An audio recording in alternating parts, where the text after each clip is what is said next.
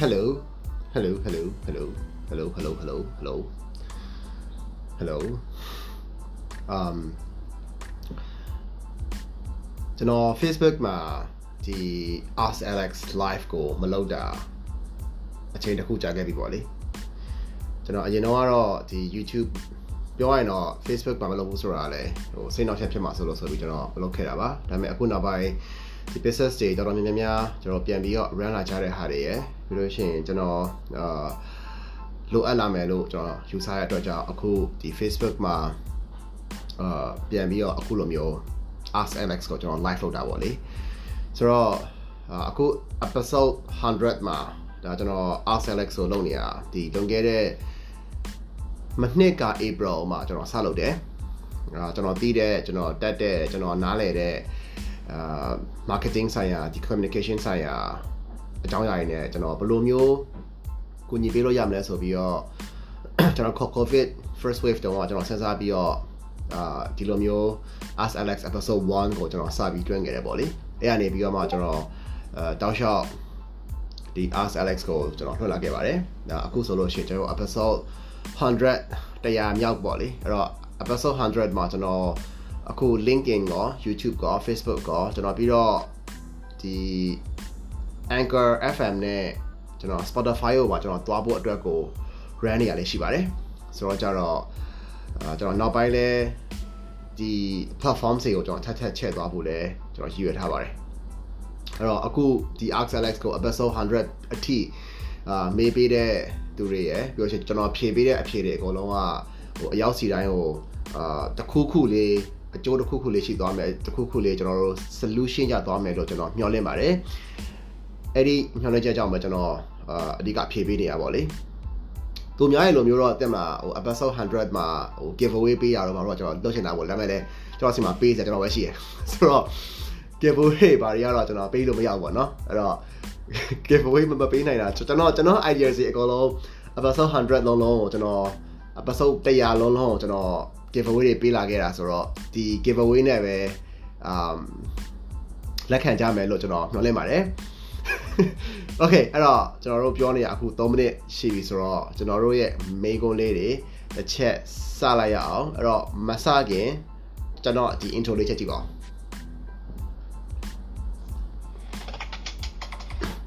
Okay အဲ့တော့ကျွန်တော်တို့စကြမယ်စကြမယ်ဆိုတဲ့အချိန်မှာကျွန်တော် comment ကဘာဖြစ်လဲမသိဘူးကျွန်တော် comment ဖွင့်ပြမလို့အမှန်တကယ်ကလုပ်ထားတာဒါပေမဲ့ comment ကဖွင့်မရဘူးဆိုတော့ကျွန်တော်အခု ထုံးစံတိုင်းပဲကျွန်တော် screen sharing လုပ်ပြီးတော့မိကုန်းတစ်ခုချင်းစီတစ်ခုချင်းစီကျွန်တော်ဖတ်ပြပြီးဖြည့်သွားပေးပါမယ်အဲ့တော့အာကျွန်တော်တို့နောက်ပိုင်း Spotify မှာပြန်ပြီးတော့ podcast အနေနဲ့ပြန်တက်လာတယ်ဆိုလို့ရှိရင်လည်းအဲ့ Spotify ကိုကျွန်တော်တို့ကြည့်ပြီးတော့နားထောင်ပြီးတော့ဗောလေ Spotify ကကြည့်မရဘူးဗော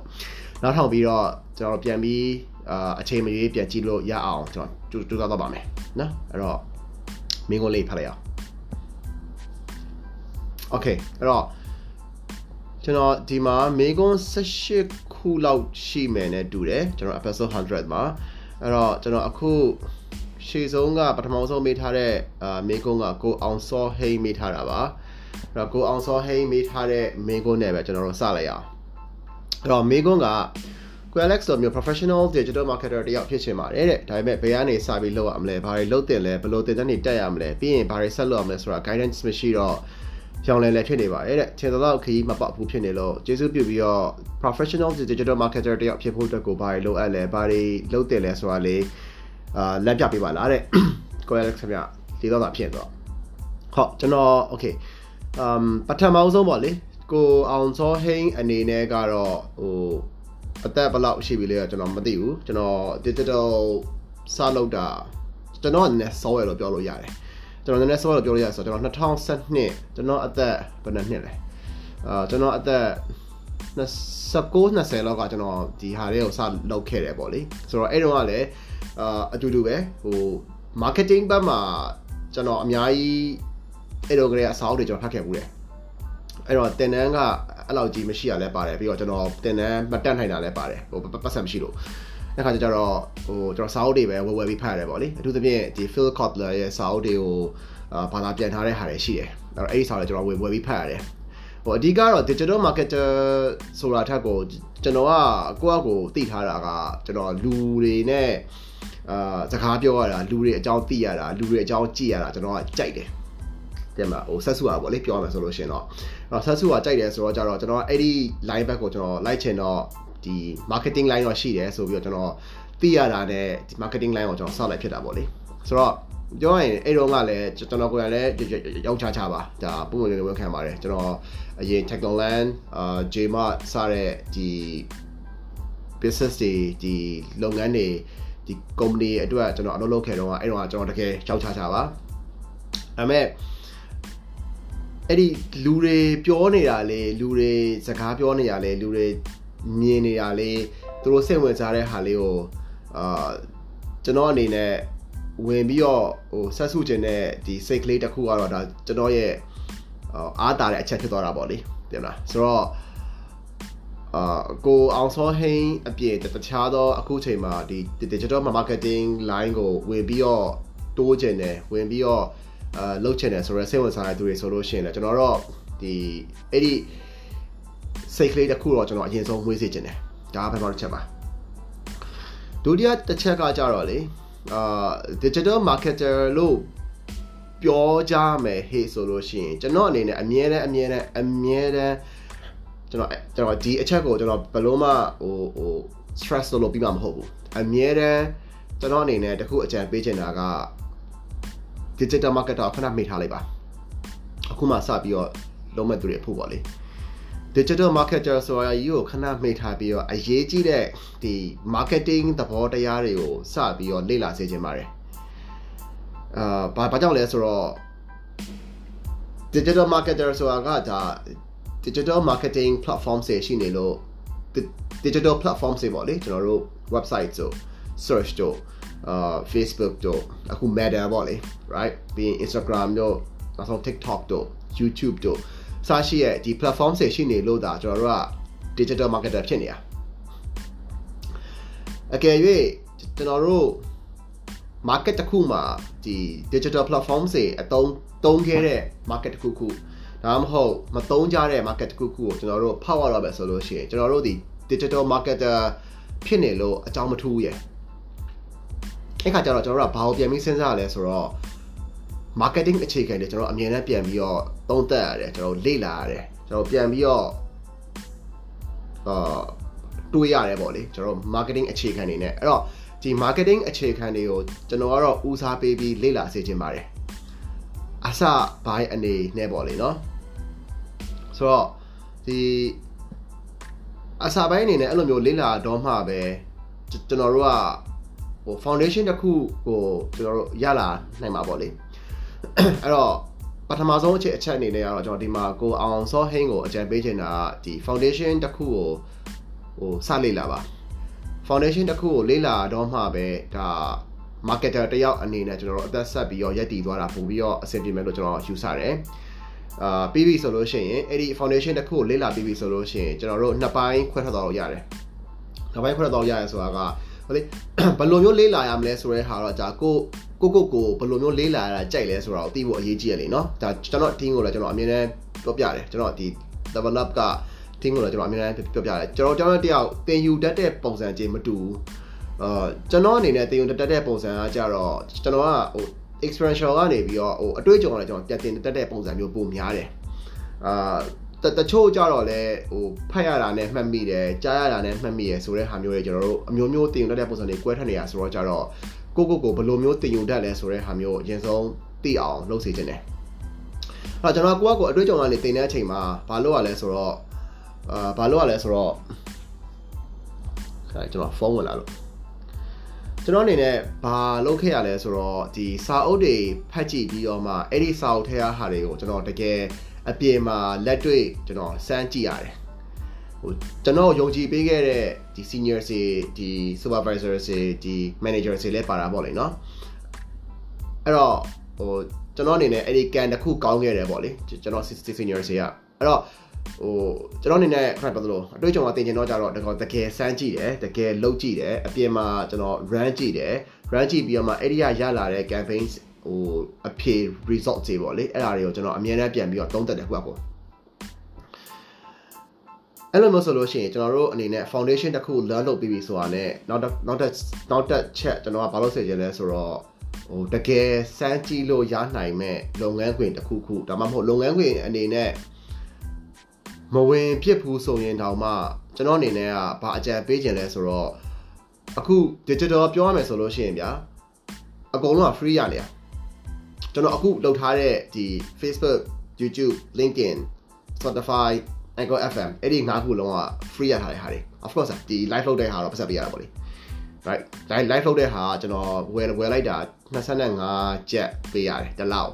ဒါပေမဲ့ anyways ကျွန်တော်အနေနဲ့ express အများကြီးဒီရရမယ်လို့ကျွန်တော်ထင်တယ်ဆိုတော့ကျွန်တော်အနေနဲ့တန်တယ်အဲကျွန်တော်က invest ပြန်လုပ်တယ်အဲ့တော့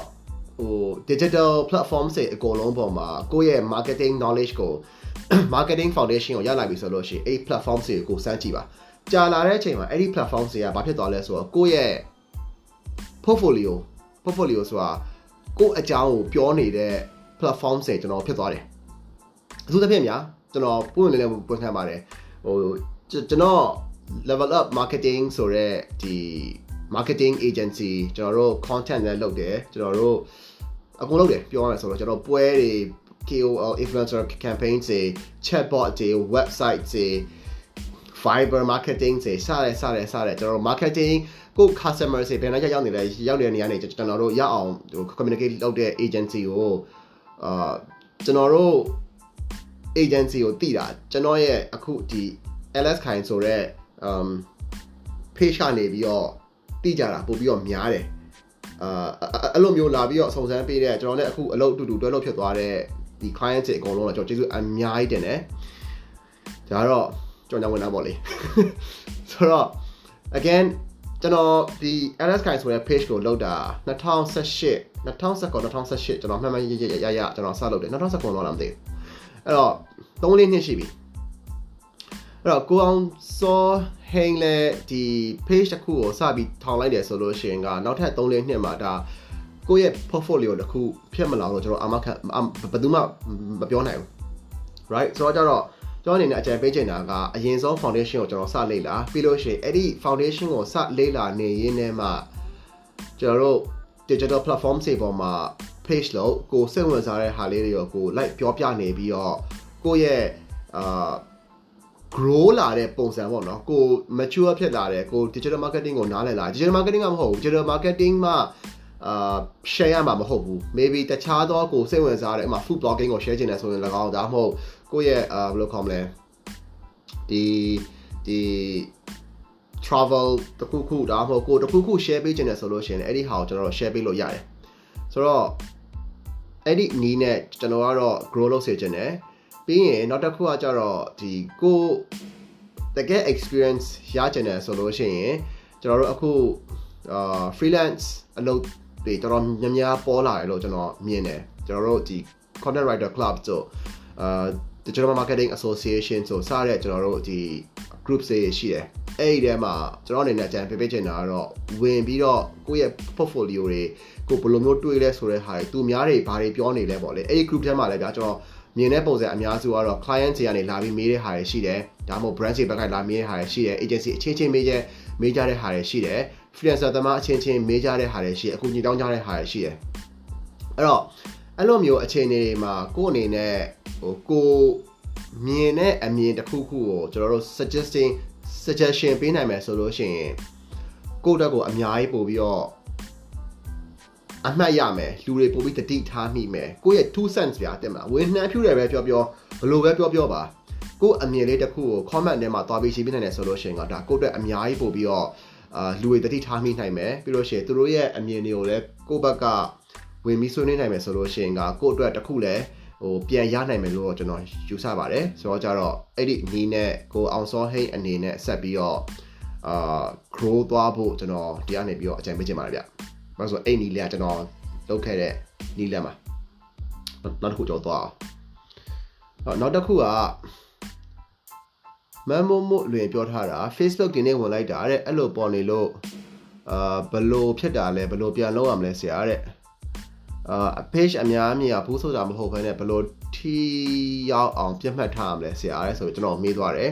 အဲ့တော့ okay အဲ့တော့အဲ့ဒီဟာကိုကျွန်တော်ဒီမှာအကြံပေးရမယ်ဆိုရင် sorry ကျွန် တော်ဒီမှာအကြံပေးရမယ်ဆိုရင်အခုဒီမှာပြလိုက်တဲ့ဟာကကျွန်တော်ထင်တယ်အဲ့ဒါ Facebook bug တစ်ခုခုဖြစ်ဖို့များတယ်ဆိုတော့ကျတော့တရက်နှစ်ရက်စောင့်ကြည့်လိုက်ပါပြီးတော့နောက်တစ်ခုကကျတော့ computer နဲ့ဆောင်းဝင်ကြည့်ပါ computer နဲ့ဆောင်းဝင်ကြည့်လို့ရှိရင်လည်းရနိုင်ပါတယ်ဆိုတော့အာအဲ့ဒီနှစ်ခုတော့ကျွန်တော်စမ်းကြည့်ပါလေဒုတိယတစ်ခုမေးထားတာ page ကိုအများမြင်အောင် boost မလုပ်ဖ ೇನೆ ဘယ်လိုထိအောင်ပြတ်မှတ်ထားရမလဲဆိုတာကကျွန်တော်ပြောနေကြစကားတစ်ခုရှိတယ်ဟို ဒီ Facebook တို့ social media တို့သူတို့ digital marketing တစ်ခုလုံးပေါ့လေပြောမှဆိုလို့ရှင်တော့ digital marketing တစ်ခုလုံးမှာကျွန်တော်တို့ effectiveness ဆိုခေါ်တဲ့ဒီထိရောက်မှုရှိအောင်ဆိုတဲ့နေရာမှာကျွန်တော်တို့က digital boosting ဒီကြော်ညာဒီ page ကြော်ညာဒီ30%ပဲကျွန်တော်တို့အသုံးဝင်ပါတယ်အကျိုးပြုပါတယ်30% 30ရာခိုင်နှုန်းကျန်တဲ့90ရာခိုင်နှုန်းက အကျိုးထိရောက်မရောက်ဆိုတဲ့ဟာကအကျိုးရှိမရှိဆိုတဲ့ဟာကကျွန်တော်တို့ content မှာသွားပြီးအများကြီးစကားပြောပါတယ်ဘာဘာကြောင့်လဲဆိုတော့ဒါစဉ်းစားကြည့်ကြည့်ဥပမာကျွန်တော်အနေနဲ့ပစ္စည်းတစ်ခုခုကိုဝယ်ခြင်းတယ်ထားပါတော့ကျွန်တော်နာမပါရှိတယ်ဆိုတော့ကျွန်တော်နာမဟို Kindle Fire ရှိတယ်နော်ကျွန်တော် Kindle Fire ရှိတယ်အဲ့တော့ဒီ Kindle Fire ကိုကျွန်တော်အခုဖတ်ဖတ်နေအောင်ရှိရပါလေနော်အဲ့တော့ဒီ Kindle Fire ကိုကျွန်တော်လာပြတယ်ကျွန်တော်စိတ်ဝင်စားတယ်ဒါပေမဲ့ ရေးထားတဲ့ရေးထားတဲ့ content အမျိုးအစားပုံစံက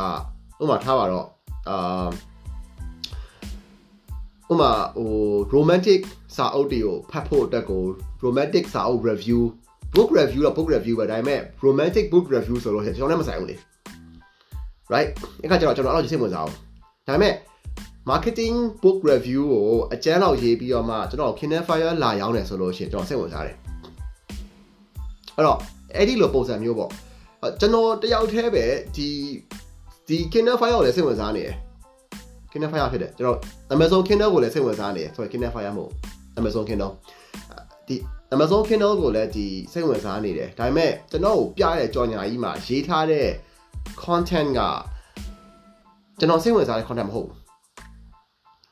အဲ့ဒါဆိုလို့ရှိရင်ကျွန်တော်တို့ boosting ဘလောက်ကြီးပဲလုပ်လို့ကျွန်တော်ကို10ခါပဲပြပြအခါ100ပဲပြပြအခါ1000ပဲပြပြကျွန်တော်စိတ်ဝင်စားဘူးကျွန်တော်မကြိုက်ရင်ကျွန်တော်ဘာလုပ်ပြလဲဆိုတော့အရန်ရပြနေဆိုလို့ရှိရင်ကျွန်တော် spam ဆိုပြီးတော့ robot ထုတ်ပလိုက်ပေါ့အဲ့လောက်ထိဖြစ်သွားနိုင်တယ်ဆိုတော့ကြတော့ဟိုကို client ကို customer ပေါ့နောက်ဆုံး at the end of the day ကို client ဆိုလို့ရှိရင်ကို customer ပေါ့နော်ကျွန်တော်ကို customer စိတ်ဝင်စားနေတဲ့အကြောင်းအရာတွေကိုကျွန်တော်တို့က ရေးပေးတော့မှပဲဒါထိရောက်တယ်ဆိုတော့အဆင့်တစ်ခုဖြစ်သွားနိုင်တာပါမဟုတ်ဘဲနဲ့ဟိုဘူစင်နေကြီးပဲလုံနေရဆိုလို့ရှိရင်ကျွန်တော်ခုနပြောတော့ကျွန်တော်အကောင့်တထောင်ပြလဲကျွန်တော်စိတ်ဝင်စားအောင် right အဲ့တော့အဲ့ဒီဟာလေးတော့ကျွန်တော်အမတ်မမွတ်လွင်ကိုကျွန်တော်အကြံပေးချင်ပါတယ်နောက်တစ်ခုကျွန်တော်သွားအောင်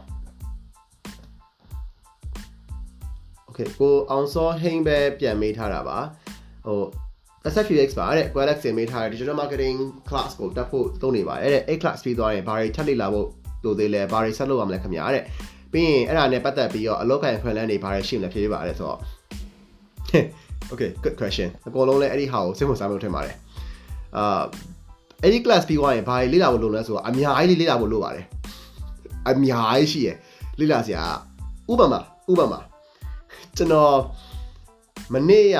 ညာမနေ့ကကျွန်တော် live လုပ်လိုက်တဲ့ matter ဆိုလို့ရှိရင်လုံးဝအစ်စ် digital မှာလည်းကျွန်တော်အရန်ကြိုက်တာပါလဲဆိုတော့လေကျွန်တော်အဲအဲကိစ္စကိုလည်း again ပေါ့ကျွန်တော် live တွေမှာကျွန်တော် team ကိုကျွန်တော်ပြောပြတယ်တခြားသော marketing channel တွေရှိတယ်ကျွန်တော်မနေ့က live မှာလည်းနောက်ထောင်လိုက်တယ်ဆိုလို့ရှိရင်တွေ့ရမှာမှာပါတခြားသော live channel တွေရှိတယ်အဲ sorry marketing channel တွေရှိတယ် ကျွန်တော် PR တို့ traditional တို့အာ traditional မှာဆိုလို့ရှိရင်ကျွန်တော် billboard တွေဒါမှမဟုတ်ရှင်ကျွန်တော် radio radio ကြော်ညာတွေကျွန်တော်အာ magazine ကြော်ညာတွေစရဲစရဲစရဲစရဲဟာရှိတယ်အဲ့ဒီဟာတွေနဲ့ကျွန်တော် digital ခွဲထွက်လာတဲ့အချိန်မှာကျွန်တော် digital ကိုဘာလို့အရန်သဘောကျသွားလဲဆိုတော့လေ digital ကအများနဲ့ပြောင်းနေတာ digital က consumer ဒီဝယ်တဲ့သူတွေရဲ့စိတ်တွေမကောက်ဘူး digital platform တွေကိုယ်ကအများနဲ့ပြောင်းနေတာ အဲ့တော့မနေ့က Facebook ရဲ့ matter ကိုအာကြည့်လိုက်ရတယ်ဆိုလို့ရှိရင်ကြည့်ရတဲ့သူတွေကတော့ဘလို့အတွေးပေါက်နေရမသိဘူးကျွန်တော်စီမှာအတွေးရအများကြီးပဲကျွန်တော်လုံးလို့ရတဲ့လုံးမယ်ဆိုပြီးတော့မှန်းလိုက်တဲ့ကျွန်တော်ကလိကျင်တဲ့အရာတွေအများကြီးပဲဆိုတော့ဆိုတော့ကျွန်တော်အဲ့ဒီဟာတွေက US မှာပဲသူတို့ launch လုပ်တာမဟုတ်ဘူး Australia မှာသူတို့ launch လုပ်တာမဟုတ်ဘူး Canada မှာပဲ launch လုပ်တာမဟုတ်ဘူး Singapore မှာ launch လုပ်တာမဟုတ်ဘူး အဲ့ဒီ major တွေတကဘာလုံးကိုကျွန်တော် launch လုပ်မှာအဲ့တော့တကဘာလုံးကို launch လုပ်မှာဖြစ်တဲ့အတွက်ကြောင့်အဲ့ဒီ major တွေတကဘာလုံးအတွက်လုံးဝအစ်စ်မြန်မာနိုင်ငံတစ်ခုအတွက်အစ်စ်မဟုတ်ဘူးတကဘာလုံးအတွက်အစ်စ်အဲ့တော့အဲ့ဒီအစ်စ်ပေါ်မှာကျွန်တော်တို့ခုနပြောတဲ့ marketing အခြေခံတွေကျွန်တော်အခုဒီမှာသင်ပေးရတဲ့ထဲမှာလည်းကျွန်တော်အတက်နိုင်ဆုံးတော့ technical ပြောတယ်ဆိုတော့ညာလည်းပဲဒီထဲမှာလေကျွန်တော်ဟို technical ပဲဖြစ်ဖြစ် practical ပဲဖြစ်ဖြစ်ပေါ့နော်ကျွန်တော်လက်တွေ့ကြကြကျွန်တော်ပြောရဆိုတော့ညာလည်းပဲကျွန်တော်အတက်နိုင်ဆုံး marketing ကျွန်တော်တွေးထားတဲ့ကျွန်တော်လက်ခံထားတဲ့ marketing concept တွေကိုကျွန်တော်ထည့်ပြီးရှင်းပြပေးတယ်။အဲ့ခါကျတော့အဲ့ဒီ matter ပေါ်မှာကျွန်တော်တို့ဒီဘက်က marketing foundation marketing concept ကိုဘယ်လိုမျိုးဆွဲထည့်ပြီးတော့ကျွန်တော်တို့ရဲ့ဒီ customer တွေ consumer တွေဒီဝယ်နေတဲ့သူတွေသုံးနေတဲ့သူတွေစီရအောင်လုပ်ကြမလဲဆိုတဲ့ဟာမျိုးကျွန်တော်တွေးလို့ရအောင်ကျွန်တော်ဆွဲထည့်ပြီးပါအဲ့တော့ဒီဟာကြီးကိုကျွန်တော်လေ့လာပြီးပြီဆိုလို့ရှိရင်အဲ့ဒါကျွန်တော်ပြီးမသွားဘူး သိလားပြီးမသွားဘူးဒါနဲ့ပတ်သက်ပြီးတော့ကျွန်တော်တို့နောက်ထပ်နောက်ထပ်နောက်ထပ်နောက်ထပ် YouTube ကထပ်ထွက်လာမယ့် features တွေတပုံကြီးရှိတယ် Facebook ကထွက်လာမယ့် features တွေတပုံကြီးရှိတယ် right ဆိုတော့ကြတော့မ boosting မှာတင်ကျွန်တော်တို့အခု Facebook ကလာတိုင်းလာတိုင်းကိုပြောင်းနေတာကျွန်တော်တို့ရဲ့ဒီဒီဒီဘယ်လိုခေါ်မလဲလက်တွေ့ boost ရဲ့အချိန်မှာ user interface ကိုခေါ်တာကျွန်တော်မြင်ရတဲ့ပုံပုံစံတွေမတူတော့ဘူးအခါကျတော့အမြဲတမ်းအမြဲတမ်းအမြဲတမ်းအမြဲတမ်းကိုကျွန်တော်တို့ လိုက်လိုက်ပြီးတော့လေ့လာနေရပါတယ်ကျွန်တော်ကိုယ်တိုင်လည်းလိုက်လေ့လာနေရတယ်ကျွန်တော်ကိုယ်တိုင်လည်းမနေ့ကလေ့လာတဲ့ဟာနဲ့ဒီနေ့လေ့လာတဲ့ဟာနဲ့မနေ့ပြန်လေ့လာမယ့်ဟာနဲ့ကျွန်တော်မတူဘူးကျွန်တော်အကြောင်းဟိုအခုနပြောလို့ကျွန်တော်စောင်းနေတယ်ကျွန်တော်ဖတ်နေတာအဲ့တော့ဘာဆက်လုပ်ရမလဲဆိုတော့ကျွန်တော်ဒီ class တွေအကုန်လုံးပြီးသွားပြီဆိုလို့ရှိရင်ကျွန်တော်အနေနဲ့တခုအကြံပေးချင်တာကတော့ Facebook မှာဆောင်းဝက်ဖြေလို့ရတယ် YouTube မှာလည်းဆောင်းဝက်ဖြေလို့ရတယ် Google မှာလည်းဆောင်းဝက်ဖြေလို့ရတယ် Google satisfied marketer Facebook satisfied marketer လုံးလို့ရတယ်ကျွန်တော်လည်းဖြေဖို့အတွက်အကြံပေးချင်ပါတယ်အာဖြေပါအဲ့တော့အဲ့ဒီဟာပြီးပြီဆိုလို့ရှိရင်ကျွန်တော်စောစောပြောသလိုမျိုးဒီ freelancer platform တွေရှိ agency တစ်ခုခုကိုကျွန်တော်တို့အလုပ်ဝင်ကြည့်ရင်ဝင်ကြည့်ကြည့်ဒါမှမဟုတ်လို့ရှိရင်လည်း client brand တစ်ခုခုဘက်မှာကျွန်တော်တို့အလုပ်ဝင်ကြည့်ရင်ဝင်ကြည့်ကြည့်ပါအဲ့ရနေပြီးတော့မှကျွန်တော်တို့အာ experience ပေါ့လေအဓိကတော့ကျွန်တော်ကတော့စာတွေ့ရောလက်တွေ့ရောနှစ်ခုလုံး ရနိုင်မယ်ဆိုလို့ရှိရင်ကျွန်တော်တို့ဖြစ်နိုင်ဟိုပို့ပြီးတော့တင်ယူတင်ယူစေချင်တယ် sorry ကျွန်တော်အမေဖျားချက်ကုန်နေတော့အဲ့တော့ဒါပြီးပြီဆိုလို့ရှိရင်တကယ်အာ practical တကယ်လက်တွေ့လုံးလို့ရနိုင်မဲ့နေရာကိုကျွန်တော်ကတော့သွားစီခြင်းတယ်ဟိုအဲ့ချိန်မှာလေကျွန်တော်အနေနဲ့ဒါစကားဆက်မိလို့ပါဟိုကျွန်တော် marketing အကြောင်းနားထောင်ခြင်းလို့လာတဲ့ အဲသူတွေ business ကြောင့်နားထောင်ခြင်းလို့လာတဲ့သူတွေခဏလေးသိခံပြီးတော့ကျွန်တော်ဒီကနေပြတာရက်ခတ်ခြင်းတယ်ကျွန်တော်စကားဆက်မိလို့ပါအလုပ်တစ်ခုဝင်တော့မယ်ဆိုလို့ရှိရင်ကျွန်တော်အနေနဲ့အကြံပေးချင်တာကဘာလဲဆိုတော့တော်တော်များများကအလုပ်ဝင်တော့မယ်ဆိုလို့ရှိရင်လေ brand နဲ့လာကနဲ့အဲ့နှစ်ခုကိုကြည့်ရများတယ်ဘာလို့လဲမသိဘူးဘာလို့လဲမသိဆိုတော့ဗျာဟိုအဲ့နှစ်ခုကသူတို့ရဲ့ priority ဖြစ်မယ်လို့ကျွန်တော်ထင်တယ် right လာကရဲ့ brand ရဲ့ ဥပမာငါထားပါတော့ Samsung ကြီးမှာငါအလုပ်ရလုပ်တော့မယ်တဲ့မှာလာကတလောက်10သိန်းတောင်ရတယ် example ငါ Coca-Cola မှာအလုပ်လုပ်မယ်တလောက်15သိန်းရတယ် example right အဲ့လိုမျိုး brand နဲ့အာဒီဘယ်လိုခေါ်မလဲ brand နဲ့လာကကို priority ထားပြီးတော့ဦးစားပေးနေကျွန်တော်တို့လောက်ကြတာများတယ်ကျွန်တော်အနေနဲ့အကြံပေးချင်တာလေကျွန်တော်ဘယ်တော့မှ အလုပ်ဝင်တဲ့အချိန်မှာကျွန်တော်ကန်ကောင်းလို့ဒါကျွန်တော်အဲ့ world renowned brand တွေပေါ့လေတကယ်ဘာလို့မှနာမည်ကြီးရဲ့ brand တွေမှာကျွန်တော်နေရာရခဲ့တာကန်ကောင်းလို့အရန်ကန်ကောင်းလို့ဒါကိုယ့်အကိုလည်းဝန်ခံတယ်ကျွန်တော်ဝင်တဲ့အချိန်မှာကျွန်တော်ဘယ်တော့မှအဲ့ဒီ brand တွေအဲ့ဒီနောက်ဆုံးလာကတွေကျွန်တော်မကြည့်ဘူးတော်တော်ရုပ်ကြည့်ခဲ့တယ်ကျွန်တော်ကြည့်ရဘာပဲကြည့်လဲဆိုတော့ကျွန်တော် report လုပ်ရမယ် supervisor ကျွန်တော် report လုပ်ရမယ်ကျွန်တော် manager ကျွန်တော် director သူတို့ကျွန်တော်ကြည့်ရဘာလို့သူတို့ကျွန်တော်ကြည့်ရလဲဆိုတော့အဓိကကဗျာစောစောကကိုအောင်စောဟင်းပြောသလိုမျိုးပဲသူကဒီလောကမှာအသက်အဲ့တော့ဒီလောကမှာအသက်ဖြစ်တဲ့အတွက်ကြောင့်ကျွန်တော်တဖြည်းဖြည်းတဖြည်းဖြည်းတဖြည်းဖြည်းနဲ့ဘာတစ်ခုလေးလာမိလဲဆိုတော့ဘာတစ်ခုသတိထားမိလဲဆိုတော့အခုမှဝင်လာတဲ့ junior ဆေးပေါ့လေ senior နဲ့အလုပ်တွဲလုပ်ကြတယ်ပြီးလို့ရှိရင်အဲ့ဒီ senior ဆေးရဲ့ အကျင့်တွေက junior စီကိုကူးလာတယ်ဖြစ်ဖြစ်နဲ့အတွေးခေါ်ဘလို့တွေးလဲဘလို့အလုပ်လုပ်လဲဘလို့စကားပြောလဲအဲ့ဒီအကျင့်တွေအကုန်လုံးက junior စီရောက်ရောက်သွားတယ်ကျွန်တော်ဒါတော်တော်များများအခု live ပြီးတော့သတိထားပြီးကြည့်ကြည့်ရဲ့အချိန်မှာကျွန်တော်အဲ့ဒါမြင်ရတယ်အဲ့တော့မှန်တယ်မှားကျွန်တော်မပြောဘူးเนาะမှန်တယ်မှားကျွန်တော်မပြောဘူးဒါပေမဲ့အစင်မပြေတဲ့အကျင့်တစ်ခု senior ရဲ့အကျင့်တစ်ခု junior စီရောက်သွားရဆိုလို့ရှိရင်အဲ့ဒီကိစ္စတော်တော်လေးကိုအစင်မပြေဘူး ဥပမာဘယ်လိုဘယ်လိုပြောရမလဲကျွန်တော်ထားပါတော့ example ပေါ့လေကျွန်တော် senior ကကျွန်တော်ကိုလုပ်ပိုင်ခွင့်ချမပေးဘူး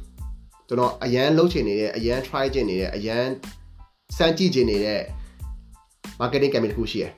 အဲကျွန်တော်ပေးမ try ဘူးပြီးတော့ဘာကြောင့်ပေးပြီးမစမ်းကြည့်စေချင်တာလဲဆိုတာလဲကျွန်တော်ရှင်းမပြခဲ့ဘူးဆိုလို့ရှိရင်ကျွန်တော်ကအဲ့ဒီဟာကြီးကလေခဲတဲလဲဖြစ်နေတာစိတ်ထဲမှာကျဉ်ကျက်နေတာအဲ့တော့ အဲ့ဒီလူတယောက်က senior level ရောက်ရောက်သွားမယ်နောက်ထပ်3 4 5နှစ်6နှစ်9နှစ်10နှစ်မှာ senior level ရောက်သွားဆိုလို့ရှိရင်အဲ့ဒီ senior ကလည်းသူ့ရဲ့ junior ကိုနေရာပေးဖို့ကတော်တော်လေးကိုခရင်နိုင်ပါတယ်အဲ့တော့ကျွန်တော်ဒီမှာအကြံပေးချင်တာကဒီနည်းနည်းအမ်အခုမှအစပြီးတော့အလုပ်ဝင်မဲ့သူတွေပေါ့လေအကြံပေးချင်တာကကိုယ့်ရဲ့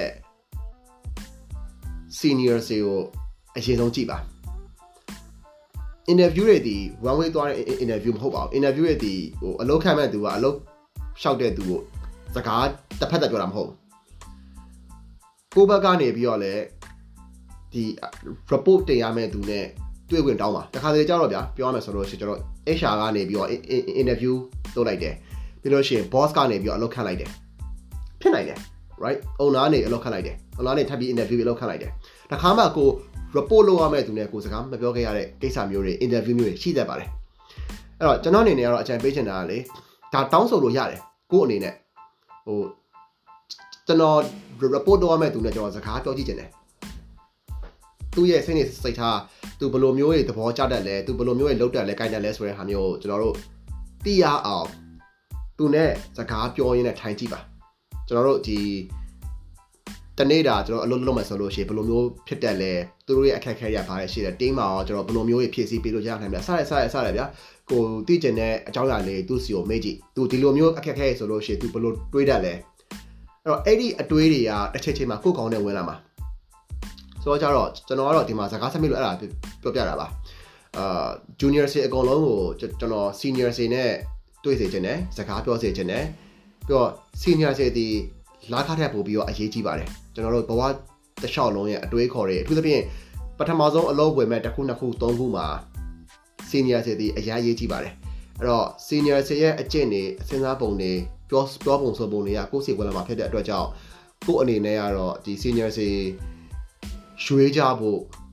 ရွှေဖို့အတွက်ကိုလည်းခေါင်းနဲ့ထည့်ထားကြဖို့ကျွန်တော်အဲ့ဒီဟာလေးတော့တိုက်တွန်းချင်ပါတယ်ဆိုတော့ hopefully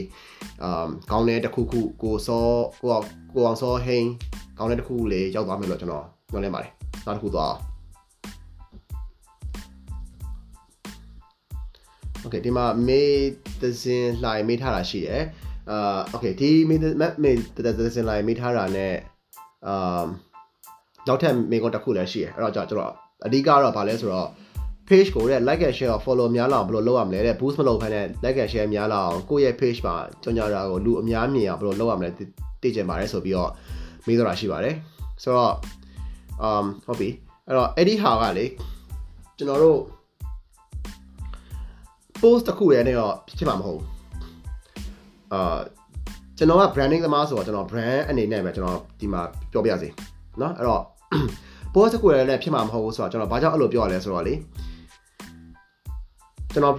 ကျွန်တော် run ခဲ့တဲ့ brand campaign တွေရှိရယ်ကျွန်တော်အခု level up မှာလဲကျွန်တော် run နေတဲ့ဒီ marketing campaign တွေရှိရယ်ကျွန်တော်အရင်တော့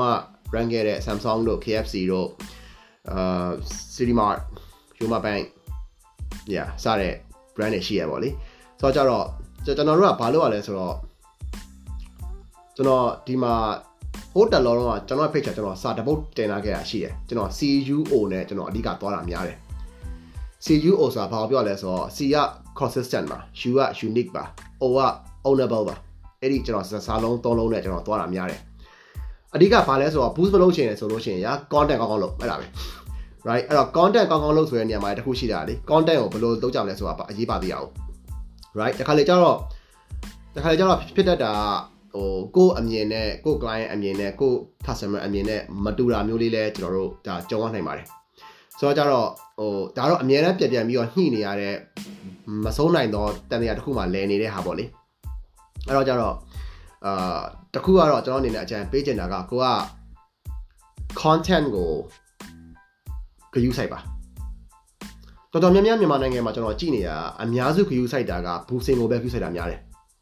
ဘာလို့လဲမသိ again ဆိုတော့ကျွန်တော်ကဘူးစင်ကိုအာယုံဆိုင်တယ်ဆိုတာထက်ကျွန်တော်က content ကိုပို့ပြီးအာယုံဆိုင်စေချင်တယ်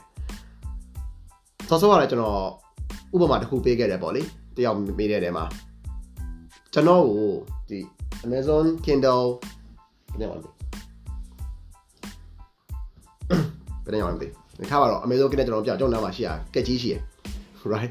အဲ့တော့ဒီကက်ကြီးကိုကျွန်တော်လာရောက်မယ်ကျွန်တော်ဒီကက်ကြီးကိုဖြတ်တာဒီကျွန်တော်ဘာဟိုဟိုကျွန်တော်ဒီပန်းပင်စိုက်တာကိုစိတ်ဝင်စားဘူးဒါပေမဲ့ကျွန်တော်ကိုပန်းပင်စိုက်တဲ့ပုံကြီးနဲ့ဒီကက်ကြီးလာရောက်နေဆိုလို့ကျွန်တော်တော်တော်ဝယ်မှာမဟုတ်ဘူးဒါပေမဲ့ဒီကက်ကြီးကို ကျွန်တော်ကိုယုံသုံးအတွက်ကိုဆိုပြီးလာယူပြီးတော့ content နဲ့ပြရဲဆိုလို့ချင်းကျွန်တော်စိတ်ဝင်စားရင်စိတ်ဝင်စားမိမယ် right အဲ့တော့ဒီကက်ကြီးအဲ့ဒီဟာအာအရေးကြီးပါတယ်အဲ့တော့နောက်တစ်ချက်ကျွန်တော်ဆက်ပြောပြမယ်ကျွန်တော် team ကိုလည်းကျွန်တော်အခုအဲ့ဒါကိုပြန်ပြီး train နေရပါလိမ့်ဝင်လင်းပြောရင်ဟိုဘာ train နေလဲဆိုတော့ social media ပါနော် social media ပါ social business မဟုတ်အဲ့တော့ ကျွန်တော်ရဲ့ thinking ကဘာဖြစ်သွားလဲဆိုတော့ media ဖြစ်တဲ့အတွက်ကြောင့်ကျွန်တော် media နဲ့အလားတန်တူတဲ့ပုံစံမျိုးကျွန်တော်လှည့်ပြီးစဉ်းစားကြည့်ကြည့်ရ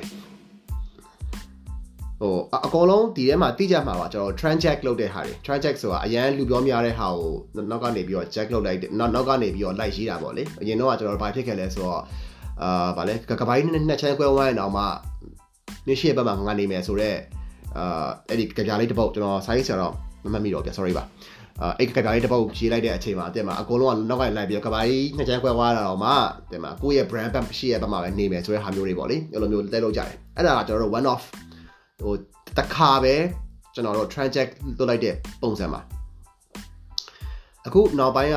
အဲ့ဒီထက်ကိုပို့ပြီးတော့နည်းနည်းလေးဖြန့်တွဲကြည့်ကြည့်လိုက်နော်ကျွန်တော်ကျွန်တော်ကျွန်တော်အဲ့ဒီစဉ်းစားပုံကနေကျွန်တော်ဖြန့်တွဲကြည့်ကြည့်ရဘယ်လိုမျိုးဖြန့်ပြီးတွေးတွေးတွေးစေခြင်းလဲဆိုတော့ကျွန်တော်မြင်တာက တလာလုံးစာကျွန်တော်တို့ content ဥပမာဗျာ magazine စာတော့ကျွန်တော်နာမ magazine စာပါရှိတယ်ကျွန်တော် magazine ဖတ်တာအရင်ရှာတယ်မရှိဘူးဒါပေမဲ့ um ထားပါတော့တလာလုံးစာကျွန်တော် magazine စာအုပ်ထုတ်တော့မယ်ဆိုလို့ရှိရင်ဘာရှိလဲဆိုတော့ okay မေဇောကင်းနေပါဘာရှိလဲဆိုတော့တလသူက cover topic ကြည့် cover topic ဆိုတာမျက်နှာဖုံးဆောင်းပါ ဘယ် magazine စာအုပ်ပဲကင်ကင်မျက်နှာဖုံးဆောင်းပါဆိုတာရှိတယ်အဲ့မျက်နှာဖုံးဆောင်းပါဒီအဲ့ဒီလာရဲ့အဲ့ဒီအဲ့ဒီအာအတွက်ကို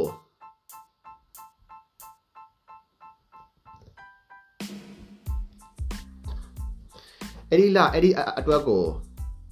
ကျွန်တော်တို့အာအရေးကြီးတဲ့ဆောင်းပါတစ်ပုဒ်ပေါ့လေနော်အဲ့တော့အဲ့ဒီဟာရှိရယ် ပြီးရင်ကျွန်တော်တို့တခြားနိုင်ငံတွေမှာဆိုလို့ရှိရင်ဘာရှိလဲဆိုတော့ center 4ရှိရယ် center 4ကကြတော့စာမျက်နှာအလယ်မှာထားရတာ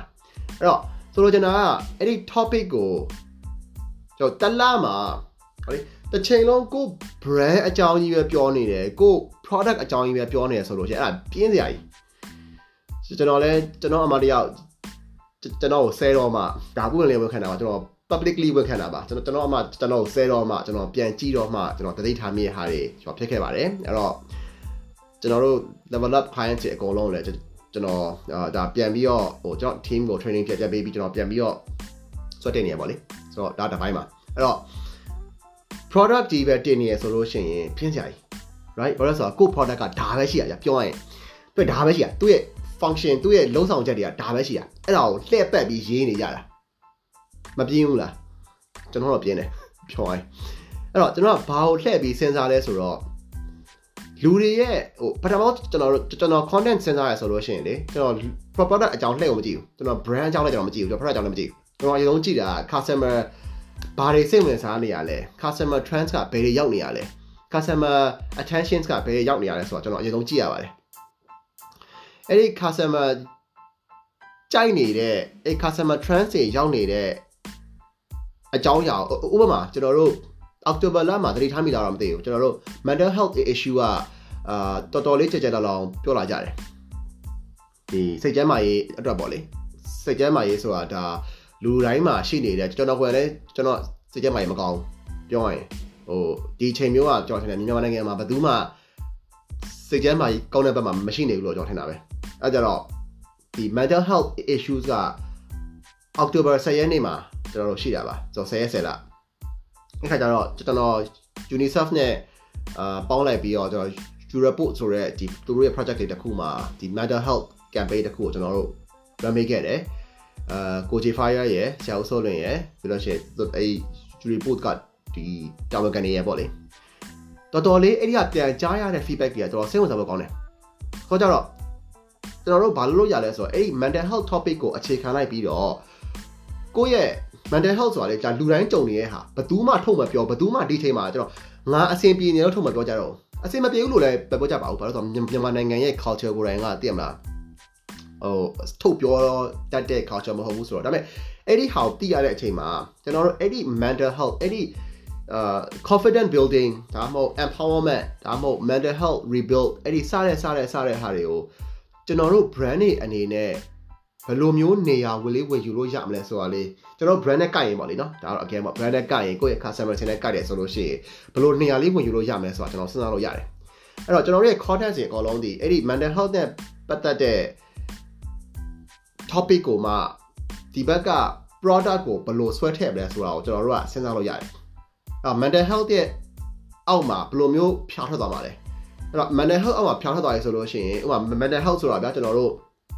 အာ confidence ရှိရယ်ပြီးရင်ကျွန်တော်တို့နောက်တစ်ခုက confident building ရှိရယ်ကိုယ့်ကိုကြုံကြည်လာအောင်လုပ်တဲ့ဟာတွေရှိတယ်ပြီးလို့ရှိရင်ကိုယ့်ကိုယ်ကိုအားပေးတဲ့ဟာတွေရှိတယ်ပြီးရင်အပြင်ကနေပြီးတော့အားပေးတဲ့ဟာတွေအဲဆဆရဆရကျွန်တော် brand shape ဖြာထွက်သွားမှာပေါ့လေအဲက brand shape ဖြာနေတဲ့မှာမှာကိုယ့်ရဲ့ product လေးကိုကိုဘယ်လိုမျိုးများအာအထဲမှာထည့်လို့ရမလဲပေါ့ဥပမာဗျာကျွန်တော်ဥပမာပေးရပါဦးကျွန်တော်ဥပမာပေးရတယ်များတယ် right အဲ့တော့အဲ့ဒီလိုမျိုးလေးကိုမတ်မေတန်းလှိုင်ဟိုစင်ဆာစေခြင်းနဲ့ ဟိုအဲ့ဒါဆိုလို့ရှိရင်ကျွန်တော်တို့လူတွေကစိတ်ဝင်စားရဲဆိုလို့ရှိရင်ဒါကကျွန်တော်တို့ဘူးဆုပ်ဆရာမမလို့တော့ဘူးပေါ့လေဘာလို့လူတွေကစိတ်ဝင်တစားနဲ့ကျွန်တော်တို့ comment တွေမှန်းကြမယ်ကျွန်တော်တို့ share လုပ်ကြမယ် like လုပ်ကြမယ်ဆိုလို့ရှိရင်ကဒါပို့အတွက်အများကြီးအဆင်ပြေတယ်အဲနောက်တစ်ခုကတော့ဒီ comment အကြောင်းပါ comment တွေကိုကျွန်တော်ကတော့100%ဖြည့်စေချင်တယ်100% 95မဟုတ်ဘူး99မဟုတ်ဘူး100%ကြာသွားလို့ comment ထပ်လာမှတ်နေဆိုလို့ရှိရင်လည်း comment ပြန်ပါ ဒါက Facebook ကလူတွေစိတ်ဝင်စားတယ်ဆိုပြီးတော့ကျွန်တော်တို့နောက်ထပ်နောက်ထပ်နောက်ထပ်လူတွေစီဆက်ပြီးတော့ပြပေးပါတယ်ကိုယ့်ရဲ့ content တွေကိုအဲ့တော့ comment reply က100%အရေးကြီးပါတယ်အဲ့တော့ comment reply ပြန်ကြပါအဲ့တော့ဒီဟာကိုကျွန်တော်အာမတ်မေတစင်လိုင်းကိုပြီးတော့ကျွန်တော်ကိုထပ်ပြီးတော့အာမေးထားတာကအာမုံရွာသူလေးကလည်းအဲ့လိုမျိုးမေးထားတာရှိတယ်နော်ဒီမှာအဲ့တော့မတ်မုံရွာသူလေးကမတ်မေတစင်လိုင်းကို ပြီးတော့ကိုအောင်စောဟိန်းထပ်ပြီးတော့ဒီမှာမေးထားတဲ့ဟာလည်းရှိတယ်အာအဲ့တော့ကိုအောင်စောဟိန်းလည်းကျွန်တော်ဒီမေးခွန်းလေးကအာကျွန်တော်ဒီလိုဖြည့်ပေးတာအဆင်ပြေမယ်လို့ကျွန်တော်မျှော်လင့်ပါတယ်เนาะအဲ့တော့အာโอเคကျွန်တော်နောက်မှလည်းကြာမချောချောကမေးထားတဲ့ဟာလည်းအဲ့တိုင်းပါပဲကျွန်တော် boost မလုပ်ခိုင်းတဲ့ like and follow တော့ဘယ်လိုလုပ်လဲဆိုတော့ကျွန်တော်ဆော့ဆော့ကပြောတဲ့နီလန်းတွေနဲ့အာစမ်းကြည့်စေချင်ပါတယ်အဲအဲ့ဒါဆိုလို့ရှိရင်တော့ကျွန်တော်တို့ အဆင်ပြေမယ်လို့ကျွန်တော်ထင်ပါတယ်နော်။ကျွန်တော်နောက်ထပ်မေးခွန်းတစ်ခုနောက်ထပ်မေးခွန်းက page okay ကျွန်တော်ဆက်ဆက်မိတော့ meme branding မေးထားတာ page back comment height တာများရဲ့ reach နေသွားနိုင်လားတဲ့ reach နေသွားနိုင်လားဆိုတော့အဲ့ဒီဟာကို technically ပြောထားတဲ့ဟာတော့မရှိဘူးဟို Facebook ရဲ့ policy မှာအဲ့လိုမျိုးတော့မရှိဘူးဒါပေမဲ့အာ comment height တာများတယ်ဆိုလို့ရှိရင်ကကို ကို page ကနေပြီး comment height တာများတယ်ဆိုလို့ရှိရင်တော့ဒါကိုက comment ကိုပြန်ပြီးဖြည့်ရနဲသွားတာဖြစ်တဲ့အတွက်ကြောင့်တော့ free shot တော့တော်တော်နည်းသွားနိုင်ပါတယ်ဟုတ်ပြီနောက်တစ်ခုအာ MMKOS ဆိုပြီးတော့ကျွန်တော်မေးထားတာ page မှာတဲ့ like and follower တော့တဖြည်းဖြည်းတိုးလာတယ်တဲ့ဒါပေမဲ့ real customer တိုးလာခြင်းပါတယ်တဲ့နောက်ပြီး post တင်တဲ့အခါတဲ့ one like တောင်မရတော့လို့ဘယ်လိုဆက်လုပ်ရမလဲတဲ့ okay အာအဲ့ဒါနည်းနည်းစားတယ် ခုနကကျွန်တော်ပြောပြသလို product ကြီးပဲတင်နေရဆိုလို့ရှင်တော့တဖြည်းဖြည်းကြောက်ရမှာပဲဘာလို့လဲဆိုတော့လူစိတ်ဝင်စားလို့ right အဲ့တော့အဓိကလူစိတ်ဝင်စားတဲ့ဟာကိုအရင်ဆုံးစဉ်းစားပြီးတော့မှကိုယ့်ရဲ့ product ကိုဘယ်လိုမျိုးထပ်အောင်လဲပေါ့လေအဲအဲအဲ့ဒီဟာကိုစဉ်းစားကြည့်ပါကျွန်တော်အမြဲတမ်းနောက်ကျွန်တော်လုပ်ပေးနေကြအာတခုကလေဟိုလူတွေရဲ့ interest ကို30%လောက် sorry လူတွေရဲ့ interest ကို70%လောက်ကျွန်တော်အဲ့ဒီ content တစ်ပုဒ်မှာကြီးတယ်30%လောက်ပဲကျွန်တော်ရဲ့အာကျွန်တော်ရဲ့ဟိုဟာပါတာ product ကပါတာ product ကိုကျွန်တော်အများကြီးမရဘူးကျွန်တော်30%လောက်ပဲကြီးရယ်30%ကဘာကိုကြီးလဲဆိုတော့ဒီဒီဘယ်လိုခေါ်မလဲ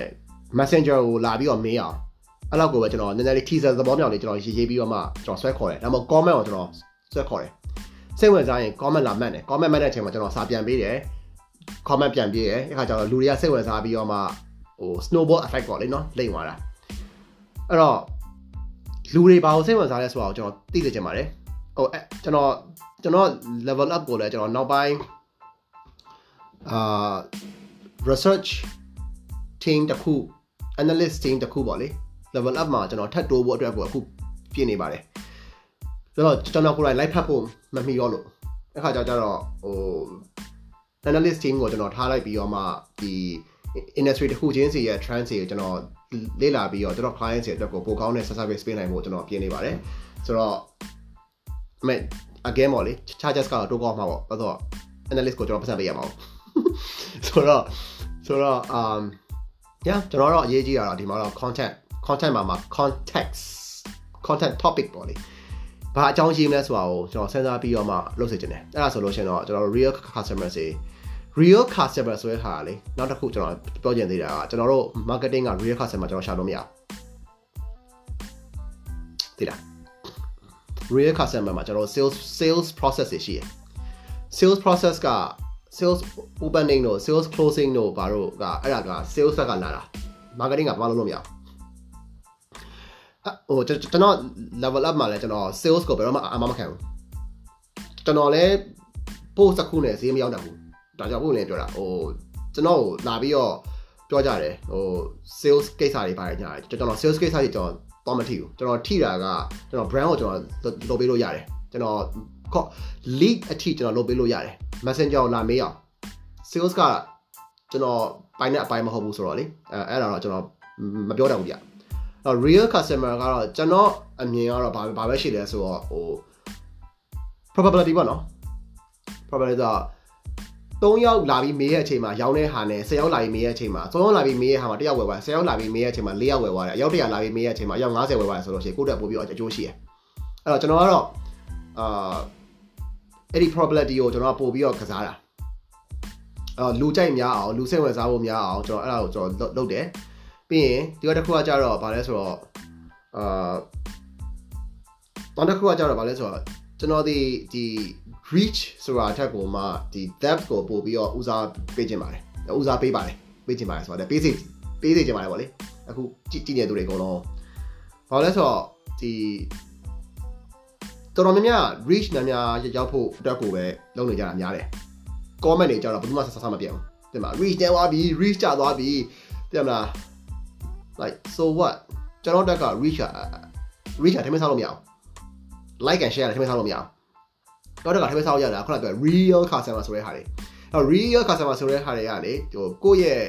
ဟိုဟိုချစ်သူတယောက်လိုပဲကိုက view ဆက်ရတယ် comment တွေကိုစာမပြတ်ဘဲနဲ့ဘယ်သူဘယ် real customer မလာဘူး right ဆိုတော့ကြတော့ဟို comment ပြန်လဲဆိုလို့ရှိရင်သူတို့ရဲ့ pain ကျွန်တော်ဟိုအပြင်မှာဈေးသွားဝယ်တဲ့ဟာကိုကျွန်တော်အမြဲတမ်းဥပမာပေးတယ်ကျွန်တော်တို့ဒါတော့ marketplace ဆို ocean တို့သွားဝယ်တယ်ဒါမှမဟုတ်ဖုန်းသွားဝယ်တယ် right ဘေးနားမှာအယောင်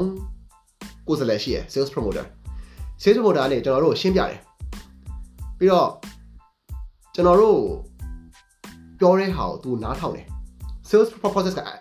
အဲ့ဒီ sales opening တို့ sales closing တို့အဲ့ဒါရှိတယ်ကျွန်တော် sales မဟုတ်ပါဘူးဒါပေမဲ့ကျွန်တော်လေ့လာထားတဲ့ဟာတွေပေါ့လေအဲ့တော့ customer ပြောတာကိုများများနားထောင်ကိုကနည်းနည်းပြောဆိုတဲ့ဟာမျိုး ကျွန်တော် sales မှာသင်ရတယ် confident တွေပါရတပိုင်းထားပါတော့အဲ့တော့ဒီမှာကျတော့ကျွန်တော်ကဘာလုပ်နေလဲဆိုတော့လေ content တွေအကုန်လုံးကိုကိုက push လုပ်နေတာဖိုးရောက်မှုပဲလုပ်နေတာအဲ့ခါကျတော့ customer တွေကလန်သွားတယ်အဲ့ကျွန်တော်ကတော့ဒီမှာဘာအကြံပေးပေးနေတယ်ဆိုတော့ဟို comment ပြန်တယ်ဆိုလို့ရှိရင်တော့မှလေအရန်ကြီးဈေးရောက်ဖို့ push လုပ်ထားတယ်ဆိုလို့ရှိရင် customer စီကနေပြီးတော့သူတို့လိုအပ်တဲ့ဟာကိုကျွန်တော်နှိုက်ယူပါသူတို့ဘာလို့လိုချင်တာလဲသူတို့အခက်ခဲရပါဟို operation focus sales focus မဟုတ်ဘဲနဲ့ customer focus အနေနဲ့ customer centric ပေါ့နော်ကျွန်တော်တို့ဂျူဝါစကားသုံးရဆိုလို့ရှိရင် customer centric လောက်ကြပါ customer စီကနေပြီးတော့သူတို့ရဲ့ challenge တွေကျွန်တော်နှိုက်ယူသူတို့ရဲ့အမြင်တွေသူတို့ရဲ့ pain point တွေကျွန်တော်နှိုက်ယူအဲ့ဒါနေပြီးတော့မှကျွန်တော် comment ထဲမှာဖြစ်ဖြစ် message share မှာဖြစ်ဖြစ်ကျွန်တော်ပြန်ပြီးတော့ပြောပြပေးရဆိုလို့ရှိရင်အဲ့ဒီဟာဘယ်သူမှ copy ကူးလို့မရတဲ့ benefit ကျွန်တော်တို့ customer ကျွန်တော်တို့မေးနေတဲ့ဟာ comment ထဲမှာပဲမေးမေးဟိုငါကိုက customer အကြောင်းလူများသိသွားမှာပေါ့ no ဘယ်သူမှ comment တွေကိုယာနဲ့ထောင်နဲ့ချီပြီးတော့မဖတ်နိုင်ဘူးကျွန်တော်လည်းမဖတ်နိုင်ဘူးကျွန်တော်လည်း GIM scan လုပ်နေရတာဒါပေမဲ့တကယ်ကိုယ့်ရဲ့ကိုကအဲ့ဒီ business တစ်ခုရဲ့ owner ဆိုလို့ရှိရင် comment တိုင်းကိုဖတ်မှတောင်းကိုမှရှိတယ် right အခါကျတော့ဘာလို့ရလဲဆိုတော့ comment တွေဖတ်ပြီးလို့ရှိရင်သူတို့နဲ့စကားပြော သူတို့နဲ့ relationship တခုစောက်ပြဆိုလို့ကျွန်တော်အဲ့ဒါပဲ relationship တခုစောက်စောက်ပြီးတော့မှအဲ့ဒီ relationship အတိုင်းကိုကိုကနေပြီးတော့တခုခုမေးလာတယ်တခုခုမေးလာပြတ်ဖြစ်တခုမေးလာပြတ်ဖြစ်တခုမေးလာပြတ်ဖြစ်လုံးယုံနဲ့ကိုယ့်အတွက်ကိုအများကြီးအာ content စဉ်းစားတဲ့နေရာမှာဒါမှမဟုတ်ဈေးရောက်တဲ့နေရာမှာအများကြီးအကျိုးရှိနိုင်တယ်လို့ကျွန်တော်ထင်ပါတယ်ဆိုတော့ကြတော့အာအဲ့ဒီနီလန်ကိုဒီက marketer တွေရောဒီကဒီ SME owner တွေရော ကျွန်တော်တို့စီးပွားရေးသမားတွေရောအာလိုက်လို့မယ်ဆိုလို့ရှိရင်တော့အဆင်ပြေနိုင်မယ်လို့ကျွန်တော်မြင်မိတယ်ဗျเนาะအဲကျွန်တော်နောက်ထပ်မိကတစ်ခုသွားအောင်ကျွန်တော်ဒီအခု post အောက်မှာရေးထားတဲ့အာကျွန်တော် YouTube ကော LinkedIn ကောဒီ Facebook ကောမှာကျွန်တော်မေးထားတဲ့မေးခွန်းတွေကျွန်တော်တွေ့ပါတယ်ကျွန်တော်ဒီဒီမေးခွန်းတွေကုန်ဖြေပြီးဆိုလို့ရှိရင်ကျွန်တော်ဆက်ပြီးဖြေပေးမယ်เนาะအဲ့ဒါတွေကောလုံး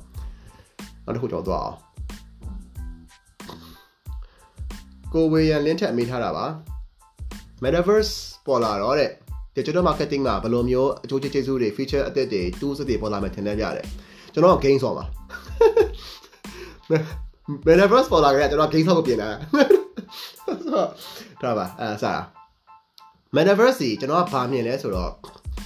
ကိုဝေယံလင်းထက်အနေနဲ့ crypto တွေ NFT တွေကိုလေ့လာဖြစ်ဖြစ်လာတော့မသိဘူး Metaverse က NFT နဲ့အများကြီးသွားချိန်ပါ အများကြီးသွားချိန်ပါဟို NFT ကိုမလေးလာပြသေးဘူးဆိုလို့ရှိရင်ကျွန်တော်အကျဉ်းလေးတစ်ချောင်းပြပြမယ် NFT ဆိုတာဘာလဲဆိုတော့ကျွန်တော်တို့ရဲ့ပကြီးကားပဲထားပါတော့เนาะကျွန်တော်နောက်မှာပကြီးကားရှစ်လို့မှန်းကြည့်လိုက်အဲ့တော့အဲ့ဒီပကြီးကားကတကဘာလုံးမှာကျွန်တော်ပကြီးကားတကားပဲရှိရယ်ပကြီးကဆွဲရတာဟုတ်တယ်ပါတကားပဲရှိရပါကျွန်တော်အဲ့ဒီပကြီးကားကို digital ပေါ်တင်လိုက်မယ် digital ပေါ်မှာလည်းအပြေကတကားပဲရှိရမယ်ဟို copy လုပ်လို့မရဘူးတွေပါကျွန်တော်ပြောတာမဟုတ်နော်အဲ့ဒီပကြီးကားရဲ့နောက်မှာသူတို့အာတုံးထားတဲ့ code တစ်ခုရှိမယ်ဗျာကျွန်တော်တို့ serial number ပေါ့လေနော် serial number တက်မှာ AA001 ဆိုတဲ့ပကြီးကားကျွန်တော်တို့ code တစ်ခုရှိရယ်အဲ့တော့အဲ့ဒီ NFT ဆိုတာအဲ့ဒီ code တွေတော့ထုတ်ပြလိုက်တာအဲ့တော့ကျွန်တော်ဒီပကြီးကားကိုပိုင်တယ်ဆိုတာကျွန်တော်အဲ့ဒီ digital ပေါ်မှာအဲ့ဒီ code ကိုကျွန်တော်ပိုင်တာ digital metaverse မှာလည်းကျွန်တော်အိမ်ထဲမှာဒီပကြီးကားရှိမယ်အဲ့တော့အဲ့ဒါက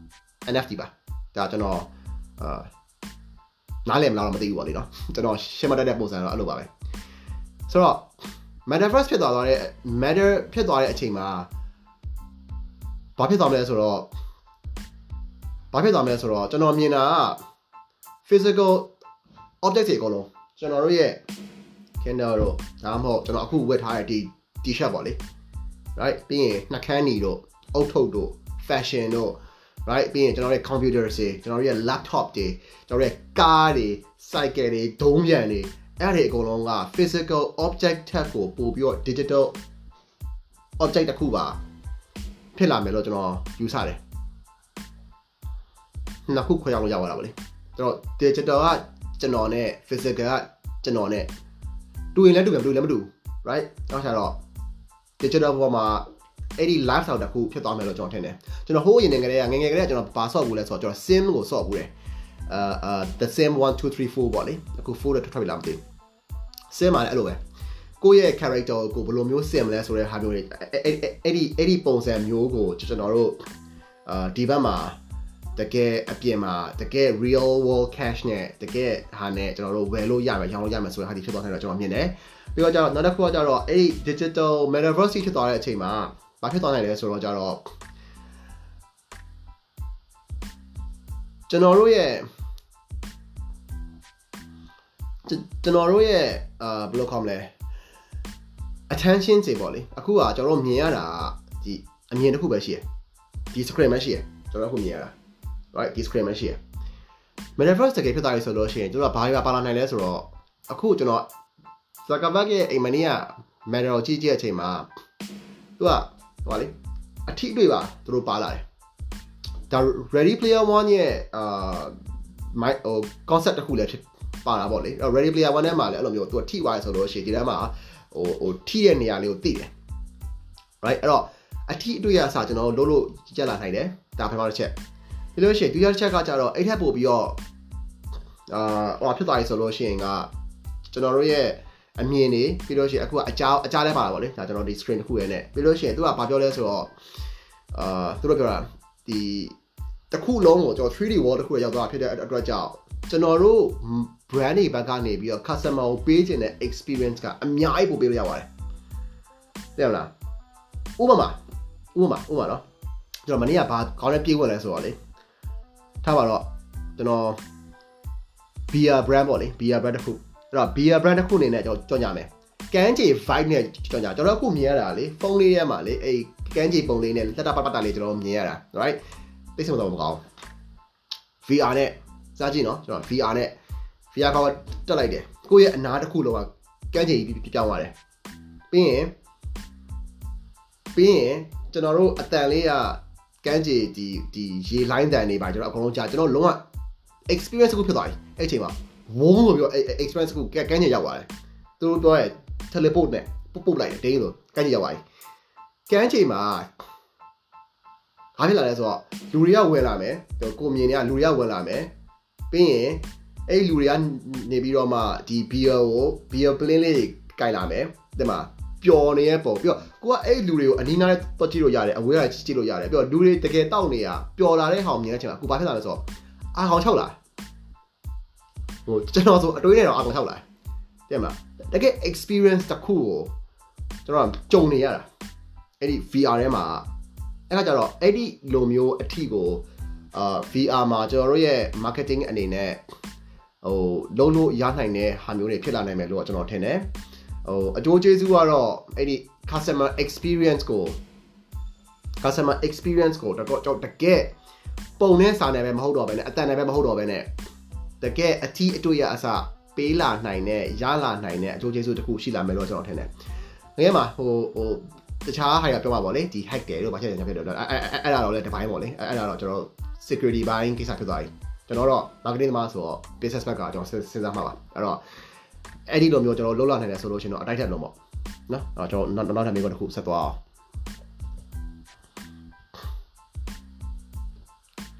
မိမိဇော်မေးထားတာ ကျွန်တော် okay အာမမီမီဆိုပေးထားတာ page ကိုလိုက်လုပ်ထားရလို့2000လောက်ရှိပြီမဲ့တဲ့ post နေတဲ့အခါ1 like တောင်မရတာဘာလို့လဲရှင်တဲ့တော့စိတ်ဝင်စားလို့မရတာပါအဲ့တော့စိတ်ဝင်စားအောင်ရေးပါစိတ်ဝင်စားရဆိုလို့ရှိရင်ကျွန်တော်တို့ like ရပါလိမ့်မယ်ဘူးစင်လုံနီးလေးသိချင်ပါတယ်ရှင်နဲ့ဘူးစင်လုံနီးကကျွန်တော်2019 2018လား2019လားမသိအမှကျွန်တော်လုပ်ခဲ့ဘူးတဲ့ဗီဒီယိုတစ်ခုရှိပါတယ် YouTube မှာလည်းတပုံကြီးရှိပါတယ် အာရှာကြည့်ပါကျွန်တော်ဒီဒီဟိုထဲမှာရှိပါတယ် okay ကျွန်တော်ဒီဘက်က Anchor FM ကမိနစ်60ပြည့်ရင်ပြီးပြီရဲ့ဆိုတော့ကြတော့ကျွန်တော်ဒီကခဏလေးကြက်လိုက်မယ်เนาะကျွန်တော်ပြီးရင်ပြပြပြောပါမယ် okay ကျွန်တော်တို့ဆက်သွားတာပေါ့ okay မမမို့လည်းဆက်မေးထားတာက YouTuber တယောက်ဖြစ်ဖို့တဲ့အာအခြေခံအစဘာတွေလိုအပ်လဲသိချင်ပါတယ်တဲ့ ကျွန်တော်မြင်တဲ့ YouTuber နဲ့ Memo လင်ပြောတဲ့ YouTuber နဲ့ကွာကောင်းကွာနိုင်တယ်ကျွန်တော်မြင်တဲ့ YouTuber ကဟို vlogs တွေလုပ်တဲ့ YouTuber ကိုကျွန်တော်က YouTuber လို့သုံးတာပါဟိုမြန်မာနိုင်ငံမှာအခုခေတ်စားနေတဲ့ပုံစံကကြတော့အဲ့ဒါထက်စားလို့ရှင်နောက်ခံစကားပြောကဒါ YouTuber လို့သုံးတာပါဆိုတော့နှစ်ခုကမတူဘူးเนาะ အဲ့တော့အခြေခံဘာလို့လဲဆိုတော့ကင်မရာပါတဲ့ဖုန်းတစ်လုံးပို့ပါတယ်အဲ့ဒါပဲအဲ့ဒါပဲကျွန်တော်ဘာမှမလုပ် right ဆိုတော့ YouTuber တယောက်ဖြစ်ဖို့ကင်မရာပါတဲ့ဖုန်းတစ်လုံးလိုတယ်ဟိုကင်မရာမပါတဲ့ဖုန်းတွေတော့ကျွန်တော်မရိုက်တတ်ဘူးလေနော်ဗီဒီယိုတွေပါတယ်ဆိုတော့ကင်မရာပါတဲ့ဖုန်းတစ်လုံးဝယ်ပါပြီးရင်ကိုယ့်ရဲ့စိတ်ဝင်စားတဲ့အကြောင်းအရာတွေကိုတောက်လျှောက်လိုက်ပြောနေပါ အဲ့တော့ဒါပါပဲဘယ်ဆိုတော့ဟိုကျွန်တော်အနေနဲ့မြင်တာတော့လေဟို YouTube တို့ဒီ Facebook တို့ဘာလို့ညာတော့ blogging vlogging ပေါ့နော်ပြောရမယ်ဆိုလို့ရှိရင်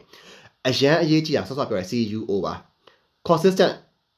ပုံမှန်တင်ပုံမှန်တင်ဆိုတော့ကျွန်တော်အခုတပတ်တက်ကစနေနေ့တိုင်းကျွန်တော်ရဲ့ဒီ SLX ကိုကျွန်တော်မရမရရအောင်ကျွန်တော်ဂျာထဲမှာပြက်ပြက်ပြက်သွားခဲ့တော့ရှိပါတယ်ဟိုကျွန်တော်ချိုးရင်ချက်ပါဒါပေမဲ့မရရအောင်ကျွန်တော်ပြန် run တယ်ငါတခု unique ဖြစ်ရတယ်ဟို unique က unique ဆိုတာကလေဟိုဟို computer ဆိုင်မဟုတ် unique ဆိုတာကဘာလဲဆိုတော့တခြားသူ present လုပ်သွားတဲ့ဟာနဲ့ကို present လုပ်သွားတဲ့ဟာနဲ့မတူအောင်မတူသင့်ဘူးပေါ့လေပြောရင်အဲ့တော့ unique ဖြစ်ဖြစ်စေခြင်းတယ်နောက်တစ်ခုက ownable ownable ဆိုတာဗျာကျွန်တော်ကျွန်တော်အနေနဲ့မြင်တာ ownable ကဘယ်လိုမျိုးလဲဆိုတော့ကျွန်တော်အခု marketing ကြောင့်ပြောတယ် marketing ကြောင့်ပြောတယ်ဆိုတပုံကြီးတပုံကြီး မြန်မာနိုင်ငံမှာနိုင်ငံတကာမှာမဟုတ်မြန်မာနိုင်ငံမှာလည်း marketing ကြောင့်ပြောနေရဲ့ marketing အကြောင်းဆွေးနွေးနေရကိုအကိုတွေအမတွေကျွန်တော် senior တွေကျွန်တော် junior တွေတပုံကြီးဒါပေမဲ့ကျွန်တော် ownable ကဘာလဲဆိုတော့အခုဒီ ask alex ဒီ ask alex လိုမျိုးအမေးဖြေကဏ္ဍကိုတပတ်တစ်ခါလွှဲနေ marketeers မရှိသေးဘူးလို့ကျွန်တော်ထင်တယ်ရှိလားမသိဘူးကျွန်တော်လည်းမသိဘူးမရှိသေးဘူးလို့ထားပါတော့လေနော်အဲ့တော့ ownable ဆိုအဲ့ဒါကျွန်တော်ဒီဟာကိုဒီ Q&A ဆိုတဲ့ဟာကိုကျွန်တော် own လုပ်ထားခြင်းတယ်ကျွန်တော်ပြောချင်တာအဲ့တော့ကျွန်တော် Q&A ကိုကျွန်တော်တောက်လျှောက်သွားတာကျွန်တော်ဟောပြောပွဲကျွန်တော် speech တွေပါတယ်ပေးတယ်ကျွန်တော်ကိုကျွန်တော်ဖိတ်ရင်ပေါ့လေနော်ကျွန်တော်ဖိတ်တဲ့ဖိတ်တဲ့အချိန်မှာကျွန်တော် speech ပေးတယ်အဲကျွန်တော် training တွေလုပ်ပေးတယ်ကျွန်တော် training တွေလုပ်ရင်တော့မှလေကျွန်တော်သွားတဲ့ပုံစံက Q&A ဘက်ကိုကျွန်တော်ပို့ပြီးသွားထားတာကျွန်တော်ကြီးပဲပြောနေတဲ့ဆိုလို့ရှိရင်ကျွန်တော် Q&A ကဟိုတကယ်မေးတဲ့သူတွေရဲ့ အမေးခွန်းလေးကိုကျွန်တော်ပြန်ပြီးတော့ဖြေပေးရတဲ့ဟာကမေးတဲ့သူတွေအတွက်ပိုပြီးအကျိုးရှိလို့ကျွန်တော်ထင်တယ်မဟုတ်ရင်ကျွန်တော်ပြောတဲ့ဟာကျွန်တော်ရဲ့ knowledge level ကိုကျွန်တော်ပြောပြတာအဲ့တော့ကျွန်တော်ပြောရဲ့ knowledge level ကိုမေးရသူကမမီဘူးဒါမှမဟုတ်တအားကြော်နေတယ်တဲ့မှာကျွန်တော်တက်အများကြီးပိုတည်ရဲ့အကူတွေအမိုက်တပုံကြီးပါဟိုကျွန်တော် senior တွေဆရာတွေဆရာမတွေပေါ့လေတပုံကြီးပါအဲ့ကြတော့ကျွန်တော်ပြောတဲ့ဟာကသူတို့မေးတဲ့ဟာရဲ့အပေါ်အရောက်တာဖြစ်ဖြစ်အောက်တာဖြစ်ဖြစ်ဆိုလို့ရှိရင်မကောင်းဘူးအဲ့ခါကျတော့ သူတို့တိတာရဲ့အပေါ်အောက်ဆိုမကောင်းအဲ့ခါကျတော့ကျွန်တော်ကမေးကုန်မေးတဲ့အဖြေပြန်ဖြေပေးတယ်ဆိုတော့အာဒီ Ask Alex ကိုကျွန်တော် on လုပ်လိုက်တယ်အဲ့ခါကျတော့ကျွန်တော်ကိုဒါနဲ့တွဲသိရပါလိမ့်အဲ့တော့မမမို့လင်လည်းအဲ့လိုပဲ consistent အင်မတန်ရေးကြည့်တယ် unique အင်မတန်ရေးကြည့်ရယ် ownable ဖြစ်ဖို့အင်မတန်ရေးကြည့်ရယ်အဲ့ဒီအချက်၃ချက်နဲ့ကျွန်တော်တို့ YouTube ကိုကင်မရာပါတဲ့ဖုန်းတစ်လုံးပေါ့လေနော်အဲ့ဒါနဲ့ကျွန်တော်တို့ စလို့ရပါပြီအဓိကစဖို့အဓိကစဖို့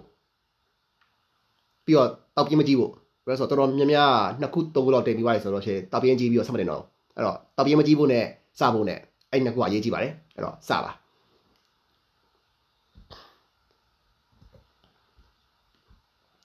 โอเคဒါတော့လည်းကျွန်တော်ကိုအောင်စောဟိမေးထားတဲ့ အာ like တွေ follower များအောင်ကျွန်တော်ဖြည့်ပြီးသွားပြီအဲ့တော့ကိုအာကိုမင်းဟန်မျိုးချအရင်ကောင်းတဲ့စီစဉ်ပါတဲ့အကိုဖြည့်ကြောက်အဆင်ပြေသွားပါပြီကျေးဇူးပါဟုတ်ကျေးဇူးပါကျွန်တော်တကူတက်ကလာပြီးမေးပေးရမမမမမ Grace တရားလုံးအသုံးဝင်နိုင်နှောက်ဝေပေးခဲ့တာပါတဲ့ကျေးဇူးပါ Galaxy တဲ့ကျေးဇူးပါလို့ Okay အာမနန်း cherry မောင်မေးထားတာ post ကို boost ပဲဆိုရင်တဲ့အာဗာလေမျိုးနယ်တွေရွေးတာရဲ့မြန်မာလို့ရွေးတာရဲ့ဘယ်ဟာပိုထိရောက်လဲတဲ့ ဟောဒီမှာတစ်ခုပြပြန်ပေးမယ်နော်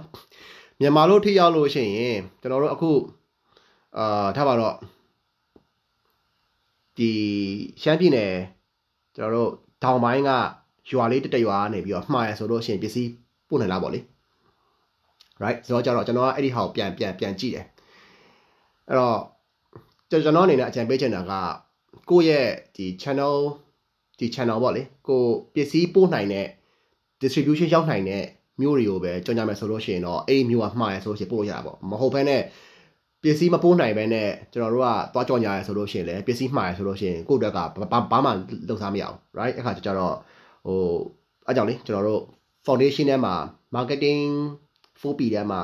product price place promotion ဆိုပြီးပါတာအဲ့တော့ place ကအရေးကြီးတယ်အဲ့တော့အဲ့ဒီ place ကိုကိုယ့်ရဲ့ပူးဆုပ်တဲ့နေရာကကိုရောက်လို့ရတဲ့ကိုပို့လို့ရတဲ့ပစ္စည်းပို့လို့ရတဲ့ place ဖြစ်မှာပဲဒါကိုယ့်အတွက်ကိုအာ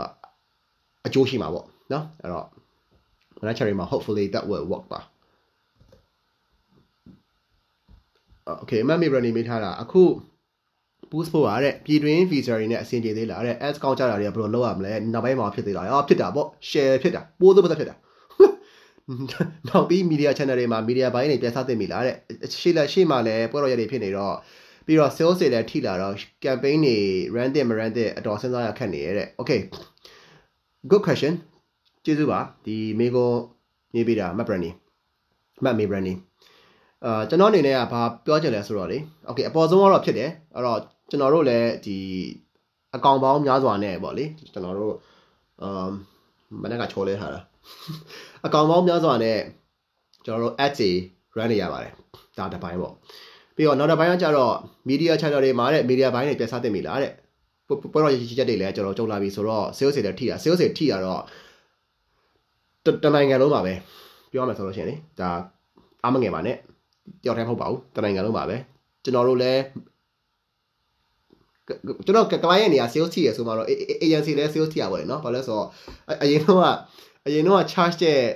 charge တဲ့ပုံစံနဲ့အခု charge တဲ့ပုံစံနဲ့ရတာတော်တော်တော်လေးကိုဈေးလျှော့ပြီးကျွန်တော် charge လျှောက်ထားရပါတယ်ကျွန်တော်ကျွန်တော် client စီကို ဆိုတော့အာထားပါ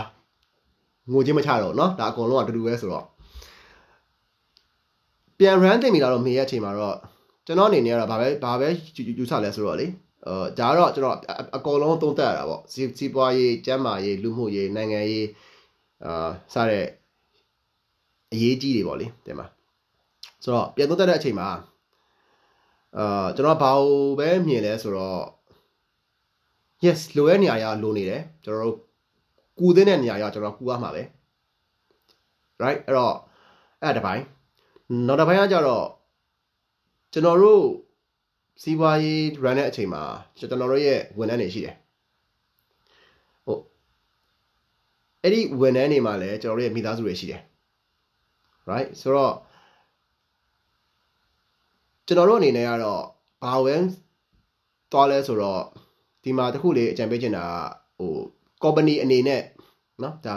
ကျွန်တော် client တိုင်းကိုကျွန်တော်အကြံပေးတယ် company အနေနဲ့ CSR များများလုပ်ပေးပါ CSR လိုအပ်ပါတယ်ကျွန်တော် CSR လုပ်တော့မှပဲဒါကိုယ့်ရဲ့ community ကိုကိုအနေနဲ့ကူနိုင်တာပါအဲ့တော့ကျွန်တော်ဘယ်လိုမျိုး campaign ပဲလုပ်လို့ကျွန်တော် CSR တစ်ခုခုလေးဟိုထုတ်ပြောစီဖြစ်စေထုတ်မပြောစီဖြစ်စေဗျာ CSR campaign တစ်ခုခုလေးကျွန်တော်တို့လုပ်ဖို့အတွက်ကိုတိုက်တွန်းပါเนาะအဲ့တော့အဲ့ဒါမှပဲကျွန်တော်တို့ဒီ community တစ်ခုလုံးကျွန်တော်ရှေ့ဆက်သွားလို့ရမှာဆိုတော့ဒါတစ်ပိုင်းပေါ့နောက်တစ်ပိုင်းကကြကြတော့ကျွန်တော် media တွေစ run လို့ရပြီလားဆိုတဲ့နေရာမှာကျွန်တော်တို့ကဘာအကြံပေးချင်လဲဆိုတော့ test water ဘာ brand လည်းမသိဘူးလေเนาะကျွန်တော်ဒီမှာပြောရမယ်ဆိုလို့ရှိရင်ဘာ brand လည်းမသိဘူးဆိုတော့တစ်ခါလေကြောက်လို့ရှိရင်လည်းတင်မှာဟိုကိုကနေပြီးတော့မှ boost ဟိတ်ဆိုပြီး boost ချလိုက်တော့မှအစဲခံရရင်ကျွန်တော် ကောင်းပေါ်ရောက်လာအောင်မယ်အဲ့တော့ဘာ brand လဲကျွန်တော်မသိဘူးဒါပေမဲ့အကြံပေးချင်တာတစ်ခုကတော့ test water စလို့ပါကျွန်တော်ရေလေးကိုလည်းတို့ကြည့်ပါလေတင်မှာ booster ကိုအုံးမနဲ့ဒေါ်လာ3000ဘူးလောက်1000ဘူးလောက်ထည့်စားလို့ရှိရင်လေဒေါ်လာ10ဒေါ်လာလောက်ဒီမှာ15ဒေါ်လာလောက်ကျွန်တော်တို့ semi ပူးစုပ်ကြည့်အဲ့ကနေပြီးတော့မှနည်းနည်းနည်းနည်းနည်းနည်းချင်းစီကျွန်တော်တက်သွားရဆိုလို့ရှိရင်ကဒါပို့ပြီးတော့ကောင်းတယ်လို့ကျွန်တော်ယူဆတယ်ပြီးလို့ရှိရင်ဒီ publicly ပြောလို့ရတဲ့ CSR တွေ run ထားရဆိုလို့ရှိရင်လည်း publicly ပြောပြပါကျွန်တော်တို့အနေနဲ့ကျွန်တော်တို့ brand အနေနဲ့ဒါမျိုးလေးတွေရောကျွန်တော်ပြန်ပြီးတော့လုပ်ပေးနေပါတယ်ကူညီပေးနေပါတယ်ဆိုတဲ့ဟာမျိုးမြန်မာ brand တော်တော်များများက CSR ဆိုလို့ရှိရင်အဲ့လောက်ကြီးမပြချင်ကြအောင်ဟိုကျွန်တော်ကြွားခိုင်းတာမဟုတ်ဘူးเนาะဆိုကျွန်တော်ကြွားခိုင်းတာမဟုတ်ဘူးကျွန်တော်တို့ brand အနေနဲ့ဒီလိုမျိုးတာဝန်ယူပါ responsibility ဆိုတာလူတိုင်းမှာရှိတယ် ကုမ္ပဏီတိုင်းမှာရှိလို့ကျွန်တော်ယူဆတယ်ဆိုတော့ကြတော့ CSR လုပ်ပေးခြင်းအပြင် အများကြီးပို့ပြီးတော့ဟိုလူနဲ့ကို customer community နဲ့ကိုနဲ့ချိန်မိမယ်လို့ကျွန်တော်ယူဆပါတယ်ဆိုတော့ကျတော့ CSR program တွေတော့ run ပေးပါ Okay နောက်တစ်ခုကြောသွားမတ်ညင်းစုအောင် page မှာတဲ့လူ2000ကျော်လောက် like ရှိရတဲ့ post ရင် like မရဘူးတဲ့သူတို့ရှိမတက်လို့သူတို့စီမတက်လို့လားပေါ့ like မမပေးကြလို့လားတဲ့ group တွေတော်တော်များများလဲ share like မရဘူးတဲ့ boost မလုပ်ဖဲနဲ့ like များများရချင်တယ်တဲ့ follow များများရချင်တယ်တဲ့ post တွေကိုစိတ်လို့စိတ်ဝင်စားအောင်အပြောင်းလဲလုပ်ပြီးတင်တယ်ဆိုတဲ့နေရာမှာလေကျွန်တော်ကတော့ဘာပြောချင်လဲဆိုတော့အဲ့ဒီနေရာမှာအရေးကြီးတာကအာအရေးကြီးတာကစိတ်ဝင်စားအောင်လို့ပဲကိုကတင်တာဒါပေမဲ့တကယ်စိတ်ဝင်စားဘူးလို့ကျွန်တော်ယူဆတယ်ဆိုတော့ကြတော့လူတွေရဲ့စိတ်ဝင်စားတဲ့ဟာတွေကဘာတွေစိတ်ဝင်စားနေလဲဆိုတော့ကျွန်တော်ဥမာဥမာတစ်ခုပြောပြရမယ်နော်ကျွန်တော်ဥမာတစ်ခုပြောပြရမယ် ကျွန်တော်အကျင့်ပေါ့လေကျွန်တော်အကျင့်ရမှာလဲဆိုတော့အခုဆိုဗျာ live sales တွေရောင်းကြတယ် right အာအရင်တော့ဆိုလို့ရှိရင်လည်းဒါကျွန်တော်တို့ဒီရုပ်ရှင်တွေပါတယ် sorry ရုပ်ရှင်ဖြစ်တဲ့အဆိုတော်တွေပါတယ်ဆိုလို့ရှိရင်ကျွန်တော် live မှာပြည်သက်နဲ့တွေ့တဲ့ဟာတွေရှိတယ်ကျွန်တော်အနေနဲ့ကအဲ့ဒီအဆိုတော်တွေမင်းသားတွေမင်းသမီးတွေဒီ live ထဲမှာဟိုဘာလုပ်နေလဲကျွန်တော်မကြည့်ဘူးတို့တို့ပြောချင်တာပြော live ထဲမှာဒါကျွန်တော်အလုပ်မဟုတ်ဘူးကျွန်တော်အလုပ်ကပါလဲဆိုတော့အဲ့မင်းသားမင်းသမီးကို အောက်က comment တွေဘာတွေရေးနေရလဲဘာတွေပြောနေရလဲဆိုတဲ့ဟာကျွန်တော်အလုပ်အဲ့တော့ကျွန်တော်က comment ဖတ်တာအရင်ဝါသနာပါတယ် like ဖတ်ကြည့်နေအကုန်လုံးအဲ့တော့ကျတော့ဘာတစ်ခုသတိထားမိလဲဆိုတော့ရှိရင်လေလူတွေအနေနဲ့ဥပမာဗျာကျွန်တော်တို့အာမမြင့်စုအောင်ကကျွန်တော်ထင်တယ်ပုံကြည့်ရတာကျွန်တော်ပုံတော့အထဲကိုဝင်ဝင်မကြည့်လိုက်ရသေးဘူးねဒါပေမဲ့ပုံကိုကြည့်ရကျွန်တော်ထင်တယ်ဟို brand တစ်ခုခုရဲ့ agent လားမသိဆိုတော့ထားတော့ agent လောကဒီချိန်မှာကျွန်တော်တို့ cosmetic ပဲရှိရဆိုတာကျွန်တော် cosmetic နဲ့ပတ်သက်ပြီးကျွန်တော်ချက်ပြောပြမယ်နော်အဲ့တော့ cosmetic မှာဆိုလို့ရှိရင်လည်းဗျာကျွန်တော်တို့အရန်အဲလူတကာလာပြီးတော့ sharing လုပ်ပေးနေတဲ့ကျွန်တော်တို့ဟိုဟာတွေရှိရယ် BH တို့ net တခြားသောဘယ်လိုခေါ်မလဲဒီ cosmetic groups တွေပေါ့လေတဲ့မှာ skin care groups တွေ beauty groups တွေရှိရယ်အဲ့တော့အဲ့ဒီထဲမှာတစ်ချိန်လုံးဝင်ကြည့်ပါကျွန်တော်ဆိုချိန်လုံးဝင်ကြည့်နေရ အဲ့မှာကျွန်တော်ကြည့်ချင်းအဖြစ်ဗာတိရနှံ့နိုင်လဲဆိုတော့ဘယ်လိုမျိုး skin care trends တွေဖြစ်နေရလဲဘယ်လိုမျိုး um အလှပ trend တွေ beauty trend တွေဖြစ်နေရလဲဘယ်လို comment တွေရှိနေရလဲစတဲ့ဟာတွေကျွန်တော်တို့ဟိုကြည့်စေခြင်းတယ်ဟိုဒါကြောင့်ပဲကျွန်တော်စောစောကပြောတာကျွန်တော်ဟို level up team ကိုကျွန်တော်အနေနဲ့ဟို analyst ပေါ့လေကျွန်တော်တို့ data ကြည့်ဖို့အတွက် data ဖတ်ဖို့အတွက်ကိုကျွန်တော်လူထားမယ်ဆိုတာဘာလို့ကျွန်တော်ကိုယ်လည်းအကောကျွန်တော်ခုကင်နေတဲ့ industry တွေတဖြည်းများလာပြီပေါ့လေဟိုကျွန်တော်တို့ level up ကိုယုံပြီးတော့လာပြီးအလုပ်အပ်ကြတာများလာကျွန်တော် industry များလာ industry များလာပြီးတော့ကျွန်တော်ရဲ့နောက်တစ်ခုကကျတော့ကျွန်တော် industry တစ်ခုမှာ same brand တစ်ခုမကင်ဘူး brand ဆိုတော့ idea ထက်ကုန်မှာဆိုလို့အဲကျွန်တော်တို့ကဟို industry ပုံများတယ်ဥပမာစားတော့ဆိုင်ဆိုလို့ရှိရင်လည်းတဆိုင်ကျွန် တော်ခိုင်းဆောင်းဆိုင်ဆိုင်အဲ့ရဆောင်းဆိုင်ဆိုင်ရှိရယ်ရန်ကုန်မှာပေါ့လေဆောင်းဆိုင်ဆိုင်ရှိရယ်ပြီးရင်ကျွန်တော်တို့ထားပါတော့ဟိုတခြား cosmetic ဆိုလို့ရှိရင်လည်းတစ်ခုပဲရှိရယ် right ဆိုတော့ကျွန်တော် same brand ကိုနှစ်ခုမကင်ဘူး same industry ကိုနှစ်ခုမကင်ဘူးအဲ့ခါကျတော့တခြား industry ကျွန်တော် line မကြည့်နိုင်တဲ့ဟာရှိရယ်အဲ့ခါကျတော့ကျွန်တော်အခု plan ထားတဲ့ဟာကအာ analyst ကျွန်တော်တို့ငှားမယ်လုပ်မယ် ကျွန်တော်ဒီ idea ကိုအခုထုတ်ပြောရဆိုတဲ့ဟာလည်းလေတခြား agency analyst ငါလုပ်တယ်ဆိုတော့ကျွန်တော် welcome ဟိုဟိုကျွန်တော် show ထားတဲ့ဟာမျိုးမရှိဘူးအဲ့ဆိုတော့တခြား agency လုပ်လို့ customer စီပျော်ရတယ်ဆိုလို့ရှိရင် my my job job is done ဗျာကျွန်တော်လုပ်တဲ့ approach ရဲ့တခြား agency လုပ်တဲ့ approach တူတာမဟုတ်ဆိုတော့ကြတော့ big idea ကတော့ analyst ငှားဖို့ပေါ့လေဆိုတော့ဟုတ်အမငှားမယ်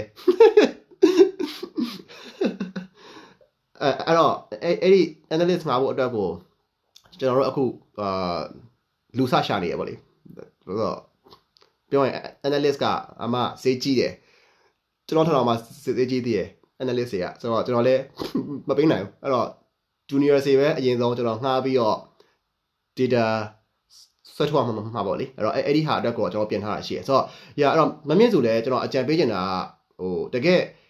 customer trend တွေ customer နားလည်တဲ့ဟာတွေကိုအရင်ဆုံးဟို like ဖတ်ပါ like ပြီးတော့ကြည့်ကြည့်ပါဟို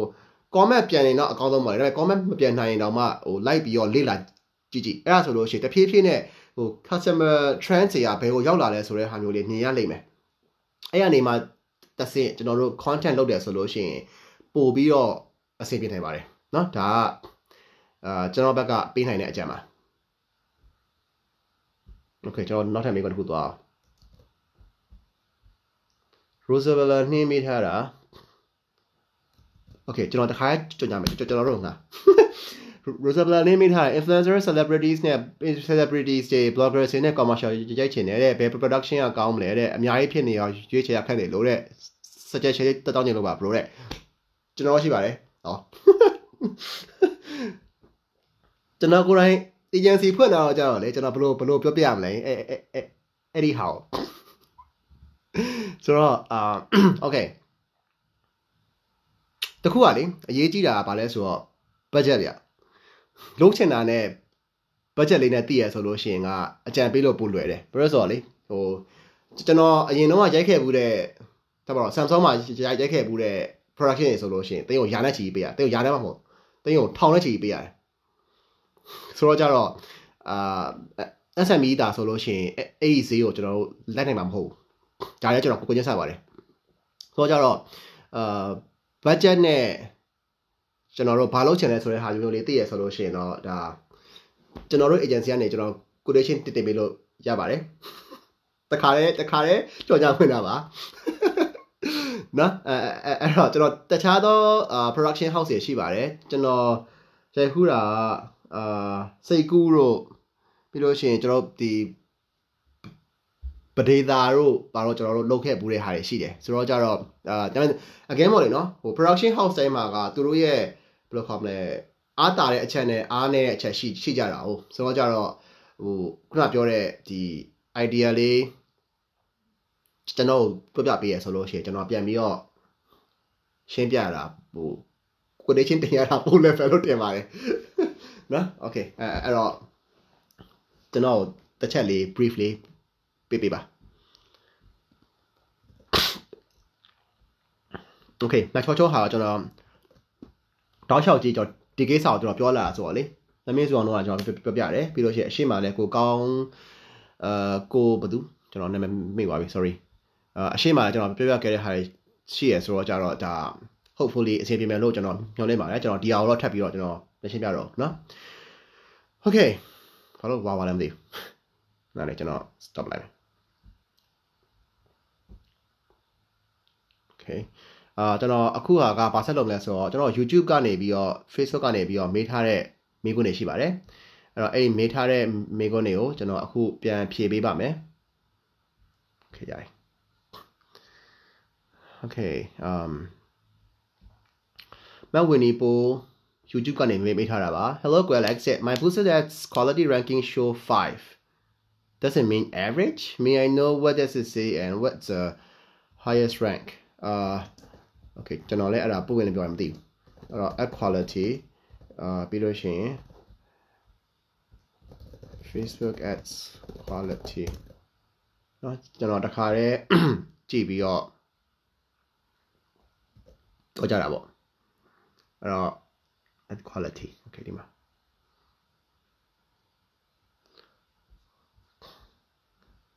uh okay quality ranking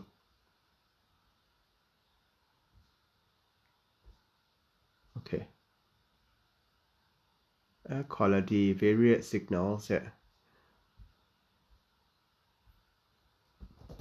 facebook ad quality numbers okay သူကနောက်ပိုင်းကိုလေကျွန်တော်ဒီမှာဒီမှာ quality ranking မှာပြထားတဲ့ပုံစံကတော့ကျွန်တော်မြင်တာတော့အာ ဘယ်လိုခေါ်မလဲဒီ average ကို above average ကို below average ကိုဘာလို့ပုံစံမျိုးနဲ့ပဲသူတို့ပြထားတာတူတယ်ဆိုတော့ကြတော့အာ ads quality ranking show 5ဆိုတဲ့ဟာက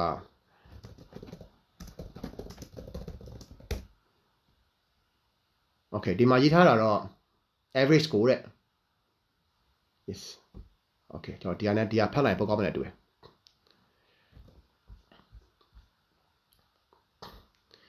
အဲ့တော့ ။အော် okay ဒါနည်းနည်းလေးပို့ဆုံးတယ်။အဲ့တော့ဒီမှာရေးထားတာ a relevancy score of 5 was an average score and anything lower than indicator you are sort of resonated yeah blah blah blah blah blah blah ပေါ့လေ။အဲ့တော့ relevancy score ကကျွန်တော်တို့1 to 10ကနေပြီးတော့သွားပါတယ်တဲ့။အဲ့တော့1 to 10ပေါ့လေ။5ဆိုတော့ကျတော့ I guess အဲ့ဒါက pretty much of average အနေနဲ့ပဲကြောက်ဖြစ်မှာပါ။ဆိုတော့ကျတော့ ဖတ်ချင်တယ်ဆိုလို့ရှိရင်ဒီမှာတော့ဖတ်ပါကျွန်တော် link ချပေးလိုက်ပါတယ်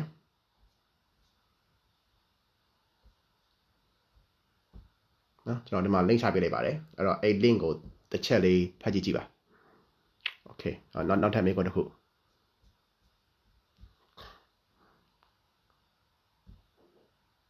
okay ကိုချမ်းမြေကိုကိုမေးထားတာ ကို admin လုပ်နေတဲ့ page ကတဲ့ follower ရဲ့ data တွေအနေရဲ့အလုပ်ကိုင်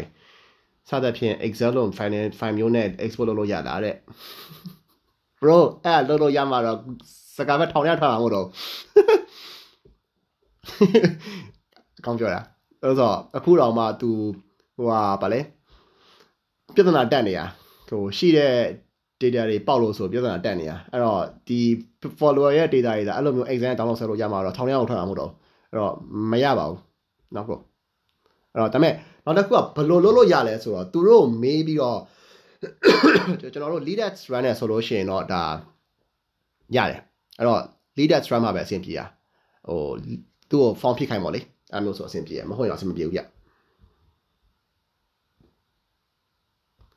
မဝင်းနီပိုထပ်ပြီးမိထား Can you please recommend your favorite books on digital marketing copywriting ဆိုတော့ကျွန်တော်ကြိုက်တာက ကျွန်တော် copywriting တော့ကျွန်တော်အဲ့လောက်ကြီးမဖတ်ဘူးရယ်ကျွန်တော်ကျွန်တော်ဒီ creative သမားမဟုတ်တဲ့အတွက်ကြောင့်လေကျွန်တော် creative line ကိုလည်း live ဖို့စိတ်ကူးမရှိဘူးကျွန်တော်အဲ့တော့ကျတော့ကျွန်တော်က digital marketing ဆိုလို့ရှိရင်တော့ကျွန်တော်အရန်ကြိုက်တာကအခုနောက်ဆုံးဖတ်နေတဲ့ဟာတခုရှိရယ်ကျွန်တော်ပြနောက်ဆုံးဖတ်နေတဲ့ဟာကျွန်တော် screen share ပြပြလိုက်မယ်အဲ့ဒါပိုကောင်းတယ်တော်တော်သဘောကျလို့အိတ်စာအုပ်ကို အာဒီစာအုပ်ပါ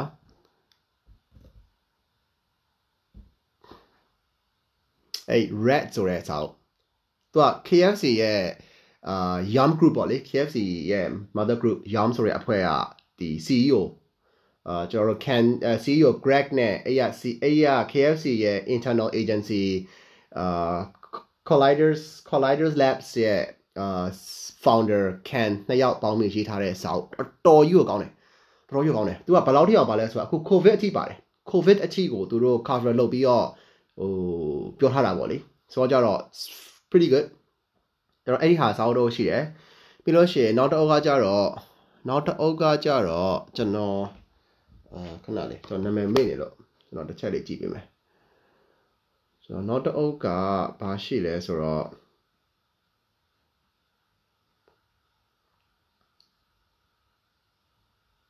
okay အာကျွန်တော်အခုနောက်ပိုင်းကဟိုအောင်ဖတ်ကြည့်နေတာအာကျွန်တော်တို့ဒီဒီ buyer psychology အဲ့ဒီဟာမှာကျွန်တော်တို့ biology ဆိုတဲ့ဟာတခုရှိရယ် BUY LOG အဲကျွန်တော်အဲ့ဒီဟာလဲဆိုတော့ပြလိုက်ပါမယ်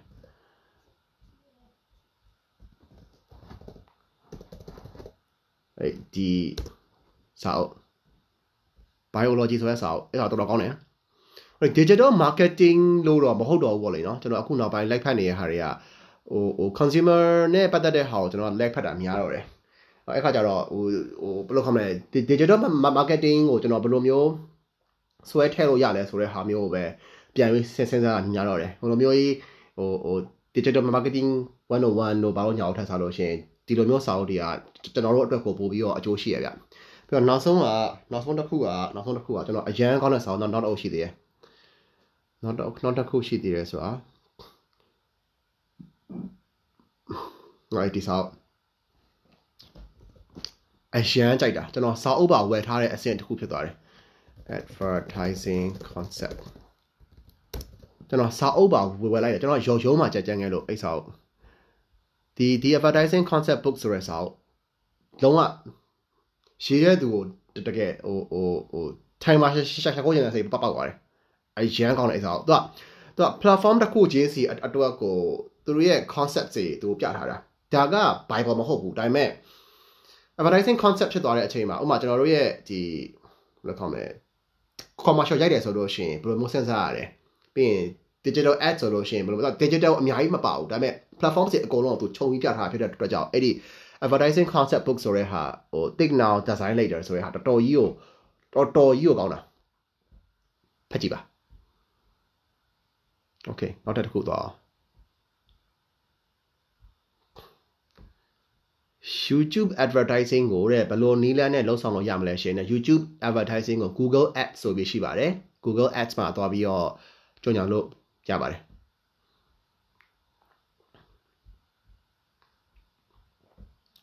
မမမို့လင်ကြာ live ဖတ်ဖြတ်ဖို့မလားတဲ့အစာပိုင်းမမီလိုက်လို့ပါမဖြစ်ပါဘူးကျွန်တော် live တွေအကုန်တင်ထားရတာပါအာကျွန်တော် live ကို YouTube Facebook LinkedIn ကျွန်တော်နောက်နှစ်ခုဒီ Anchor FM နဲ့ Spotify Anchor FM ကကျွန်တော်တက်လိမ့်မယ် Spotify ကိုကျွန်တော်အခု try မှာဒီဒီ live ပြီးပြီဆိုလို့ရှိရင်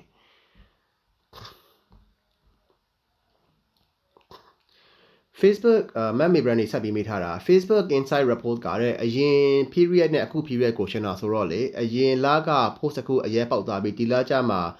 ပုံမှန် insight ပြင်မယ် insight ကကြိုက်သွားလို့ပြတော့ agency မှာဆိုဘယ်လို claim လဲတဲ့ ကျွန်တော်တို့ကအရင်လမှာတအားတက်သွားတယ်ဆိုလို့ရှင်တော့မှလေအဲ့ဒီတအားတက်သွားတဲ့ဟာကို spike တွေနဲ့ကျွန်တော်ပြန်ပြတယ်ဆိုတော့ spike နေနဲ့ပြတဲ့အချိန်မှာဟိုကျွန်တော်တို့ကဒီကောင်ကထားပါတော့ဒီလမှာရန်တက်သွားတယ်ပေါ့ spike နေနဲ့ပြလိုက်တယ်အဲ့တော့ဒီဟာကဒါကျွန်တော်တို့လူတွေအားစိတ်ဝင်စားလို့ကျွန်တော်တို့ one spike နေနဲ့ကျွန်တော်တက်သွားတယ်အဲ့တော့ဒီ spike ကြောင့်ကျွန်တော် reach ဘယ်လောက်ရသွားတယ်ကျွန်တော်တို့ကဘာကိုပြန်တွက်လဲဆိုတော့ကြတော့ဟို average ကိုကျွန်တော်တို့အမြင်နဲ့ပြန်တွက်ကြည့်တယ်ကျွန်တော်တို့ဟို average reach per post ဒါမှမဟုတ်လို့ရှိရင် average engagement per post ဒါမှမဟုတ် average share per post ဒါမှမဟုတ် um တခုခုပါလေနော်ကျွန်တော်တို့ average ပြန်ရှာတယ်အဲ့တော့ average ရှာတဲ့အချိန်မှာစောစောကလိုမျိုးဒီ spike တွေပုံမှန်မဟုတ်တဲ့ post တွေမပါဘူးဥပမာအရန်ကျသွားတဲ့ဟာမျိုးတွေဒါမှအရန်တက်သွားတဲ့ဟာမျိုးတွေအဲ့နှစ်ခုကိုကျွန်တော်မပါဘူးအဲ့ဒါအဲ့ post တွေကျွန်တော်ဖြုတ်ချခဲ့ပြီးတော့မှ average ကိုကျွန်တော်ရှာတယ်ပြီးရင်ကျွန်တော်တို့ကနောက်လာမှလည်းအဲ့ average ကိုကျွန်တော်ပြန်ရှာတယ်ပြီးတော့မှအဲ့နှစ်ခုကျွန်တော်ရှင်းတာ ဟောအဲ့ဒီပုံစံမျိုးတော့လောက်တာပုံများပါတယ် okay ကျန်တဲ့ကျန်တဲ့အာဟာတွေကဟိုဟာတွေပဲ mention တွေပဲပေါ်ထားတာဆိုတော့ကြတော့ကိုတက်စီမိထားတာ ads account တစ်ခုကိုလည်း policy လွတ်တာတွေပဲ run နေဆိုရင်ね page ဘယ်နှခုဖြစ်ဖြစ် save page ဘယ်နှခုလောက်အထိမကြောက် run လို့ရမလဲတဲ့ page အများကြီးကို ads account တစ်ခုနဲ့ run ကျန်တဲ့ချိန်များလို့ပြောလို့ပါတယ်အဲအဲ့ဒါတော့လေခုနပြောလို့ probability ပေါ့နော်ကျွန်တော်တို့အရန်အများကြီး run နေဆိုလို့ရှိရင်ကဘယ် page ကကြောက်မှမသိဘူးအဲ့ခါကျတော့ကြောက်ရောဟိုကျွန်တော်တို့ကတော့အခု client တွေကို one account one page အနေနဲ့ကျွန်တော်တို့အများဆုံးမှ2 account one page ပေါ့လေမဟုတ် sorry one account two page အနေနဲ့ကျွန်တော်တို့ run ပေးနေပါတယ်ဟိုအဲ့ဒီဟာကပို့ပြီး safe ဖြစ်လို့ပါမဟုတ်ရင်ကဥမာသူများ သူများအကောင့်သူများကြော်ညာကြအောင်ကို business က run နေတယ်ကြော်အကောင့်ကြီးကြာသွားဆိုလို့ရှိရင်လည်း fair မဖြစ်ဘူးလေနော်အခါကျတော့ကျွန်တော်တို့ဒီ level up agency ကတော့အလေး agency အနေနဲ့ရပါလေကျွန်တော်တို့ run နေတဲ့ပုံစံကတော့ one account one page အနေနဲ့ကျွန်တော် run ပါတယ်အဲကြောင့်ကျွန်တော်တို့ရဲ့ ads ကြော်ညာခတွေအရေးကြီးပါတယ်တခါလေးပြောထားတာပါ Patricia ဦးထပ်ပေးထားတာ Google Ads ကမြန်မာ region မှာဆိုရင်ဘယ်လိုအခြေအနေရှိလဲတဲ့အာလောလောဆယ်တော့ကျွန်တော်တို့ကျွန်တော်တို့မြန်မာ region မှာဘယ်လိုအခြေအနေရှိလဲဆိုတော့မြန်မာပြည်ကို Google Ads เนาะကျွန်တော် Facebook Ads မဟုတ် Facebook Ads က IP နဲ့မယူဆိုကျွန်တော်သိထားတော့ Google Ads ကတော့ကျွန်တော်သိသလောက်က IP နဲ့ယူတာအဲ့ခါကျတော့ပြဿနာရှိတယ်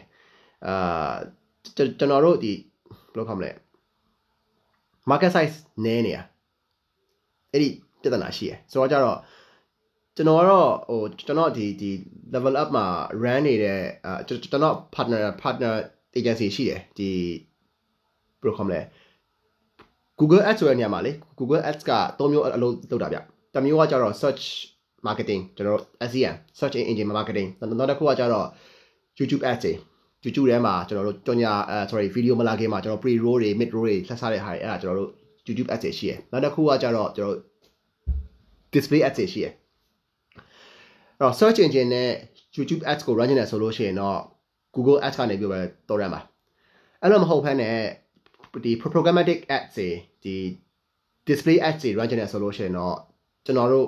run ပေးပါတယ်အာကျွန်တော်အတိ ဒီ partner agency တခုနဲ့ကျွန်တော်ချိတ်လိုက်ပြီးတော့မှသူတို့နဲ့ကျွန်တော်တို့ run ပေးရအဲ့ခါကျတော့ကျွန်တော်တို့ကဘာလုပ်ပေးလဲဆိုတော့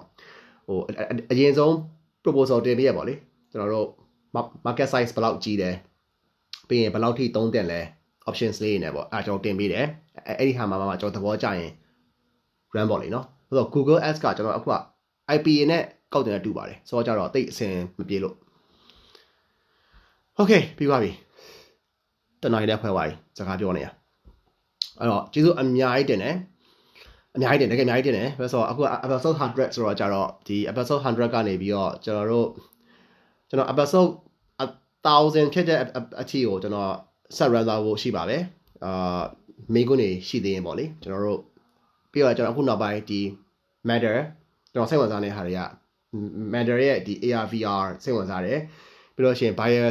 psychology ကျွန်တော်စိတ်ဝင်စားနေတယ်ပြီးတော့ရှင်အခုကျွန်တော်ခုနပြောတဲ့ဒီ red ဆိုတဲ့ဟာကျွန်တော်အဲ့အဲ့အဲ့ဒီဟာတွေကျွန်တော်စိတ်ဝင်စားနေတာဆိုတော့ကျွန်တော်အဲ့ဒီဟာကိုဆက်ပြီးတော့လေ့လာနေပါတယ်ပြီးတော့ရှင်ကျွန်တော်နောက်တစ်ခုကအာနည်းနည်းကျွန်တော် update လုပ်ပေးတာပါကျွန်တော်တို့ develop agency အနေနဲ့ကကျွန်တော်မန္တလေးကအာမန္တလေးမှာကျွန်တော်ထပ်ပြီးတော့ဒီ expansion လုပ်ပါတယ်အာ အဓိကမန္တလေး expansion လုပ်တယ်ဆိုတဲ့နေရာမှာလည်းလေကျွန်တော်မန္တလေးကကျွန်တော်တကယ်ချင်းတယောက်ပါ agency ကတကယ်ချင်းတယောက်ဖုန်းဆိုင်ပြောတယ်တာကြီးရဲ့နယ်လာလူပါလားတဲ့ကျွန်တော်နယ်မလူပါဘူးနယ်မလူဆိုတာဘာလဲဆိုတော့ကျွန်တော်မန္တလေးက client ရလာပြီဆိုလို့ရှိရင်ကျွန်တော်ကဘာလုပ်လဲဆိုတော့ဟိုကျွန်တော်တို့စီမှာ procedure တွေရှိတယ်ကျွန်တော်ကျွန်တော် procedure တွေကအမြဲတမ်းကျွန်တော်ဟိုအပြန်ပြန်လှန်လှန်ကျွန်တော်သုံးသပ်ပြီးတော့မှဟိုပို့ပြီးတော့ ဟိုကောင်းအောင်ကျွန်တော်အမြဲ run ပေးနေရပါလိမ့်ဆိုတော့ကြတော့ကျွန်တော် procedure ကိုမန္တလေးကကျွန်တော်နဲ့အခုချိန်လိုက်တဲ့ agency partner တွေရှိတယ်ဆိုတော့မန္တလေးက agency partner ကိုကျွန်တော်ပေးလိုက်တယ်ပေးပြီးတော့မှသူတို့ကနေပြီးတော့ကျွန်တော်တို့ procedure နဲ့ဆက် run ပေးရပါဆိုတော့ကြတော့အာပို့ပြီးတော့ပြီးတော့ခုနကပြောလို့ပေါ့ကျွန်တော်ဒီ analyst တွေပါတယ်ရလာခဲ့မယ်ဆိုလို့ရှိရင်သူတို့အတွက်လည်းအများကြီးပို့ပြီးအဆင်ပြေတယ်အဲ့ခါကျတော့ကျွန်တော်ကနယ်လူတယ်ဆိုတာထက်ကျွန်တော်တို့ဒီ ကျွန်တော်တို့ကျင့်သုံးနေတဲ့ policy တွေကျွန်တော်တို့လုပ်နေတဲ့ procedure တွေကိုဒီနယ်ကန် agency တွေကျွန်တော်ပြန်ပေးပြီးတော့မှအဲ့ဒီ client တွေကိုအဲ့ဒီ agency တွေကိုကျွန်တော်ပြန်ပေးတာပါဆိုတော့ကြတော့နယ်လူရယ်ဆိုတာထက်အာကျွန်တော်တို့တည်တဲ့ idea တွေကျွန်တော်တို့လုပ်တတ်တဲ့ပုံစံမျိုးတွေကိုကျွန်တော်တို့ကနေမှာဆက်ပြီးတော့ဟိုနေမှာဆိုတာထက် like မန္တလေးကျွန်တော်အခုမန္တလေးအပြင်တခြားချက်နေရဟာလည်းရှိရယ်အာတောင်ကြီးတို့ပြီးတော့ပသိမ်တို့ မော်လမြိုင်တို့ကျွန်တော်ဆက်ပြီးချက်နေဟာလည်းရှိရယ်ဆိုတော့ကြတော့အာ area နေကန် marketer တွေ area နေကန်ဒီ business development သူတွေလည်းစိတ်ဝင်စားရဆိုလို့ရှိရင်ကျွန်တော်ပြပြလို့ရတယ်ကျွန်တော်အာကျွန်တော်လူတိုင်းနဲ့ပူပေါင်းကြပါတယ်ကျွန်တော်ကျွန်တော်ပြောနေအဲ့ဒါပါဟို referral တခုလုပ်ပေးရုံနဲ့ကျွန်တော်ကျွန်တော်စီပါဗျာဒီ business development တမားတွေဆိုလို့ရှိရင် referral လုပ်ပေးရုံနဲ့ကျွန်တော် commission ပေးတဲ့ဟာမျိုးတွေရှိတယ် ကျွန်တော်ကြတော့အတိဒီ business သမားတွေနဲ့တည်တယ် business သမားတွေလည်းဒီဒီဘယ်လိုခေါ်မလဲအာ marketing ကိုကြီးလုပ်နေရဆိုလို့ရှိရင်ကျွန်တော်တစ်ချက်လေးပြောပြောပေးပါကျွန်တော်အာဆောင်ရပေးပါမယ်နော်အဲ့ဒါမိကုန်းနောက်နောက်ဆုံးတစ်ခုလေးဗန်မြောက်ဝေရေးထားတာအကိုရဲ့ page quality ဝါတာ6လရှိပြီတဲ့ account ban ထိပြီး page ပါဝါသွားတာအကိုက6လလောက်ရှိပြီတဲ့ဘာလို့ရမလဲဆိုတော့ Facebook ကိုတိုက်ရိုက်ကြီးစကားပြောလိုက်ပါအဲ့ဒါပိုကောင်းပါတယ်ကျွန်တော်ဘလောက်ဘလောက်ကြာပြီအဲ့တော့ ဘာကြောင့်ဆက်ပြီးဝါနေသေးရလဲဆိုပြီးတော့ဆက်ပြောလိုက်ပါ account ban ထိရတဲ့ page ဝါဆိုင်လားဆိုတော့100%တော့မဆိုင်ဘူးကြာကျွန်တော်သိတဲ့လောက်ကလေဆိုတော့ကြတော့ကောင်းဆုံးကတော့ဒီ Facebook cost Facebook customer service ကိုလှမ်းပြီးပြောတာတော့အကောင်းဆုံးပဲအဲသူတို့ကနေပြီးတော့မှကျွန်တော်တို့ပြန်ပြီးတော့ဖြည့်ရှင်းပြပါလိမ့်မယ်နော်ဟုတ်ကျေးဇူးအများကြီးတင်တယ်အဲ့နောက်တစ်ခေါက် episode 7မှာလည်းကျွန်တော်အကုန်လုံးနဲ့ပြန်ဆောင်ချင်ပါတယ်အဲ့တော့ကျွန်တော်တို့ နောက်တစ်ပတ် Sunday မှာပြပြန်ဆောင်ကြတာပေါ့အားလုံးပဲ good night ပါ10နိုင်ခွဲပါပြီအဲ့တော့ကျမ်းမအောင်နေပေးကြပါလိုအပ်တဲ့နေရာကိုကျွန်တော်ဝေကူပေးပါကျန်တာတော့ကိုယ့်ကိုယ်ကျုံးကြပါလေအဲ့တော့ good night ပါ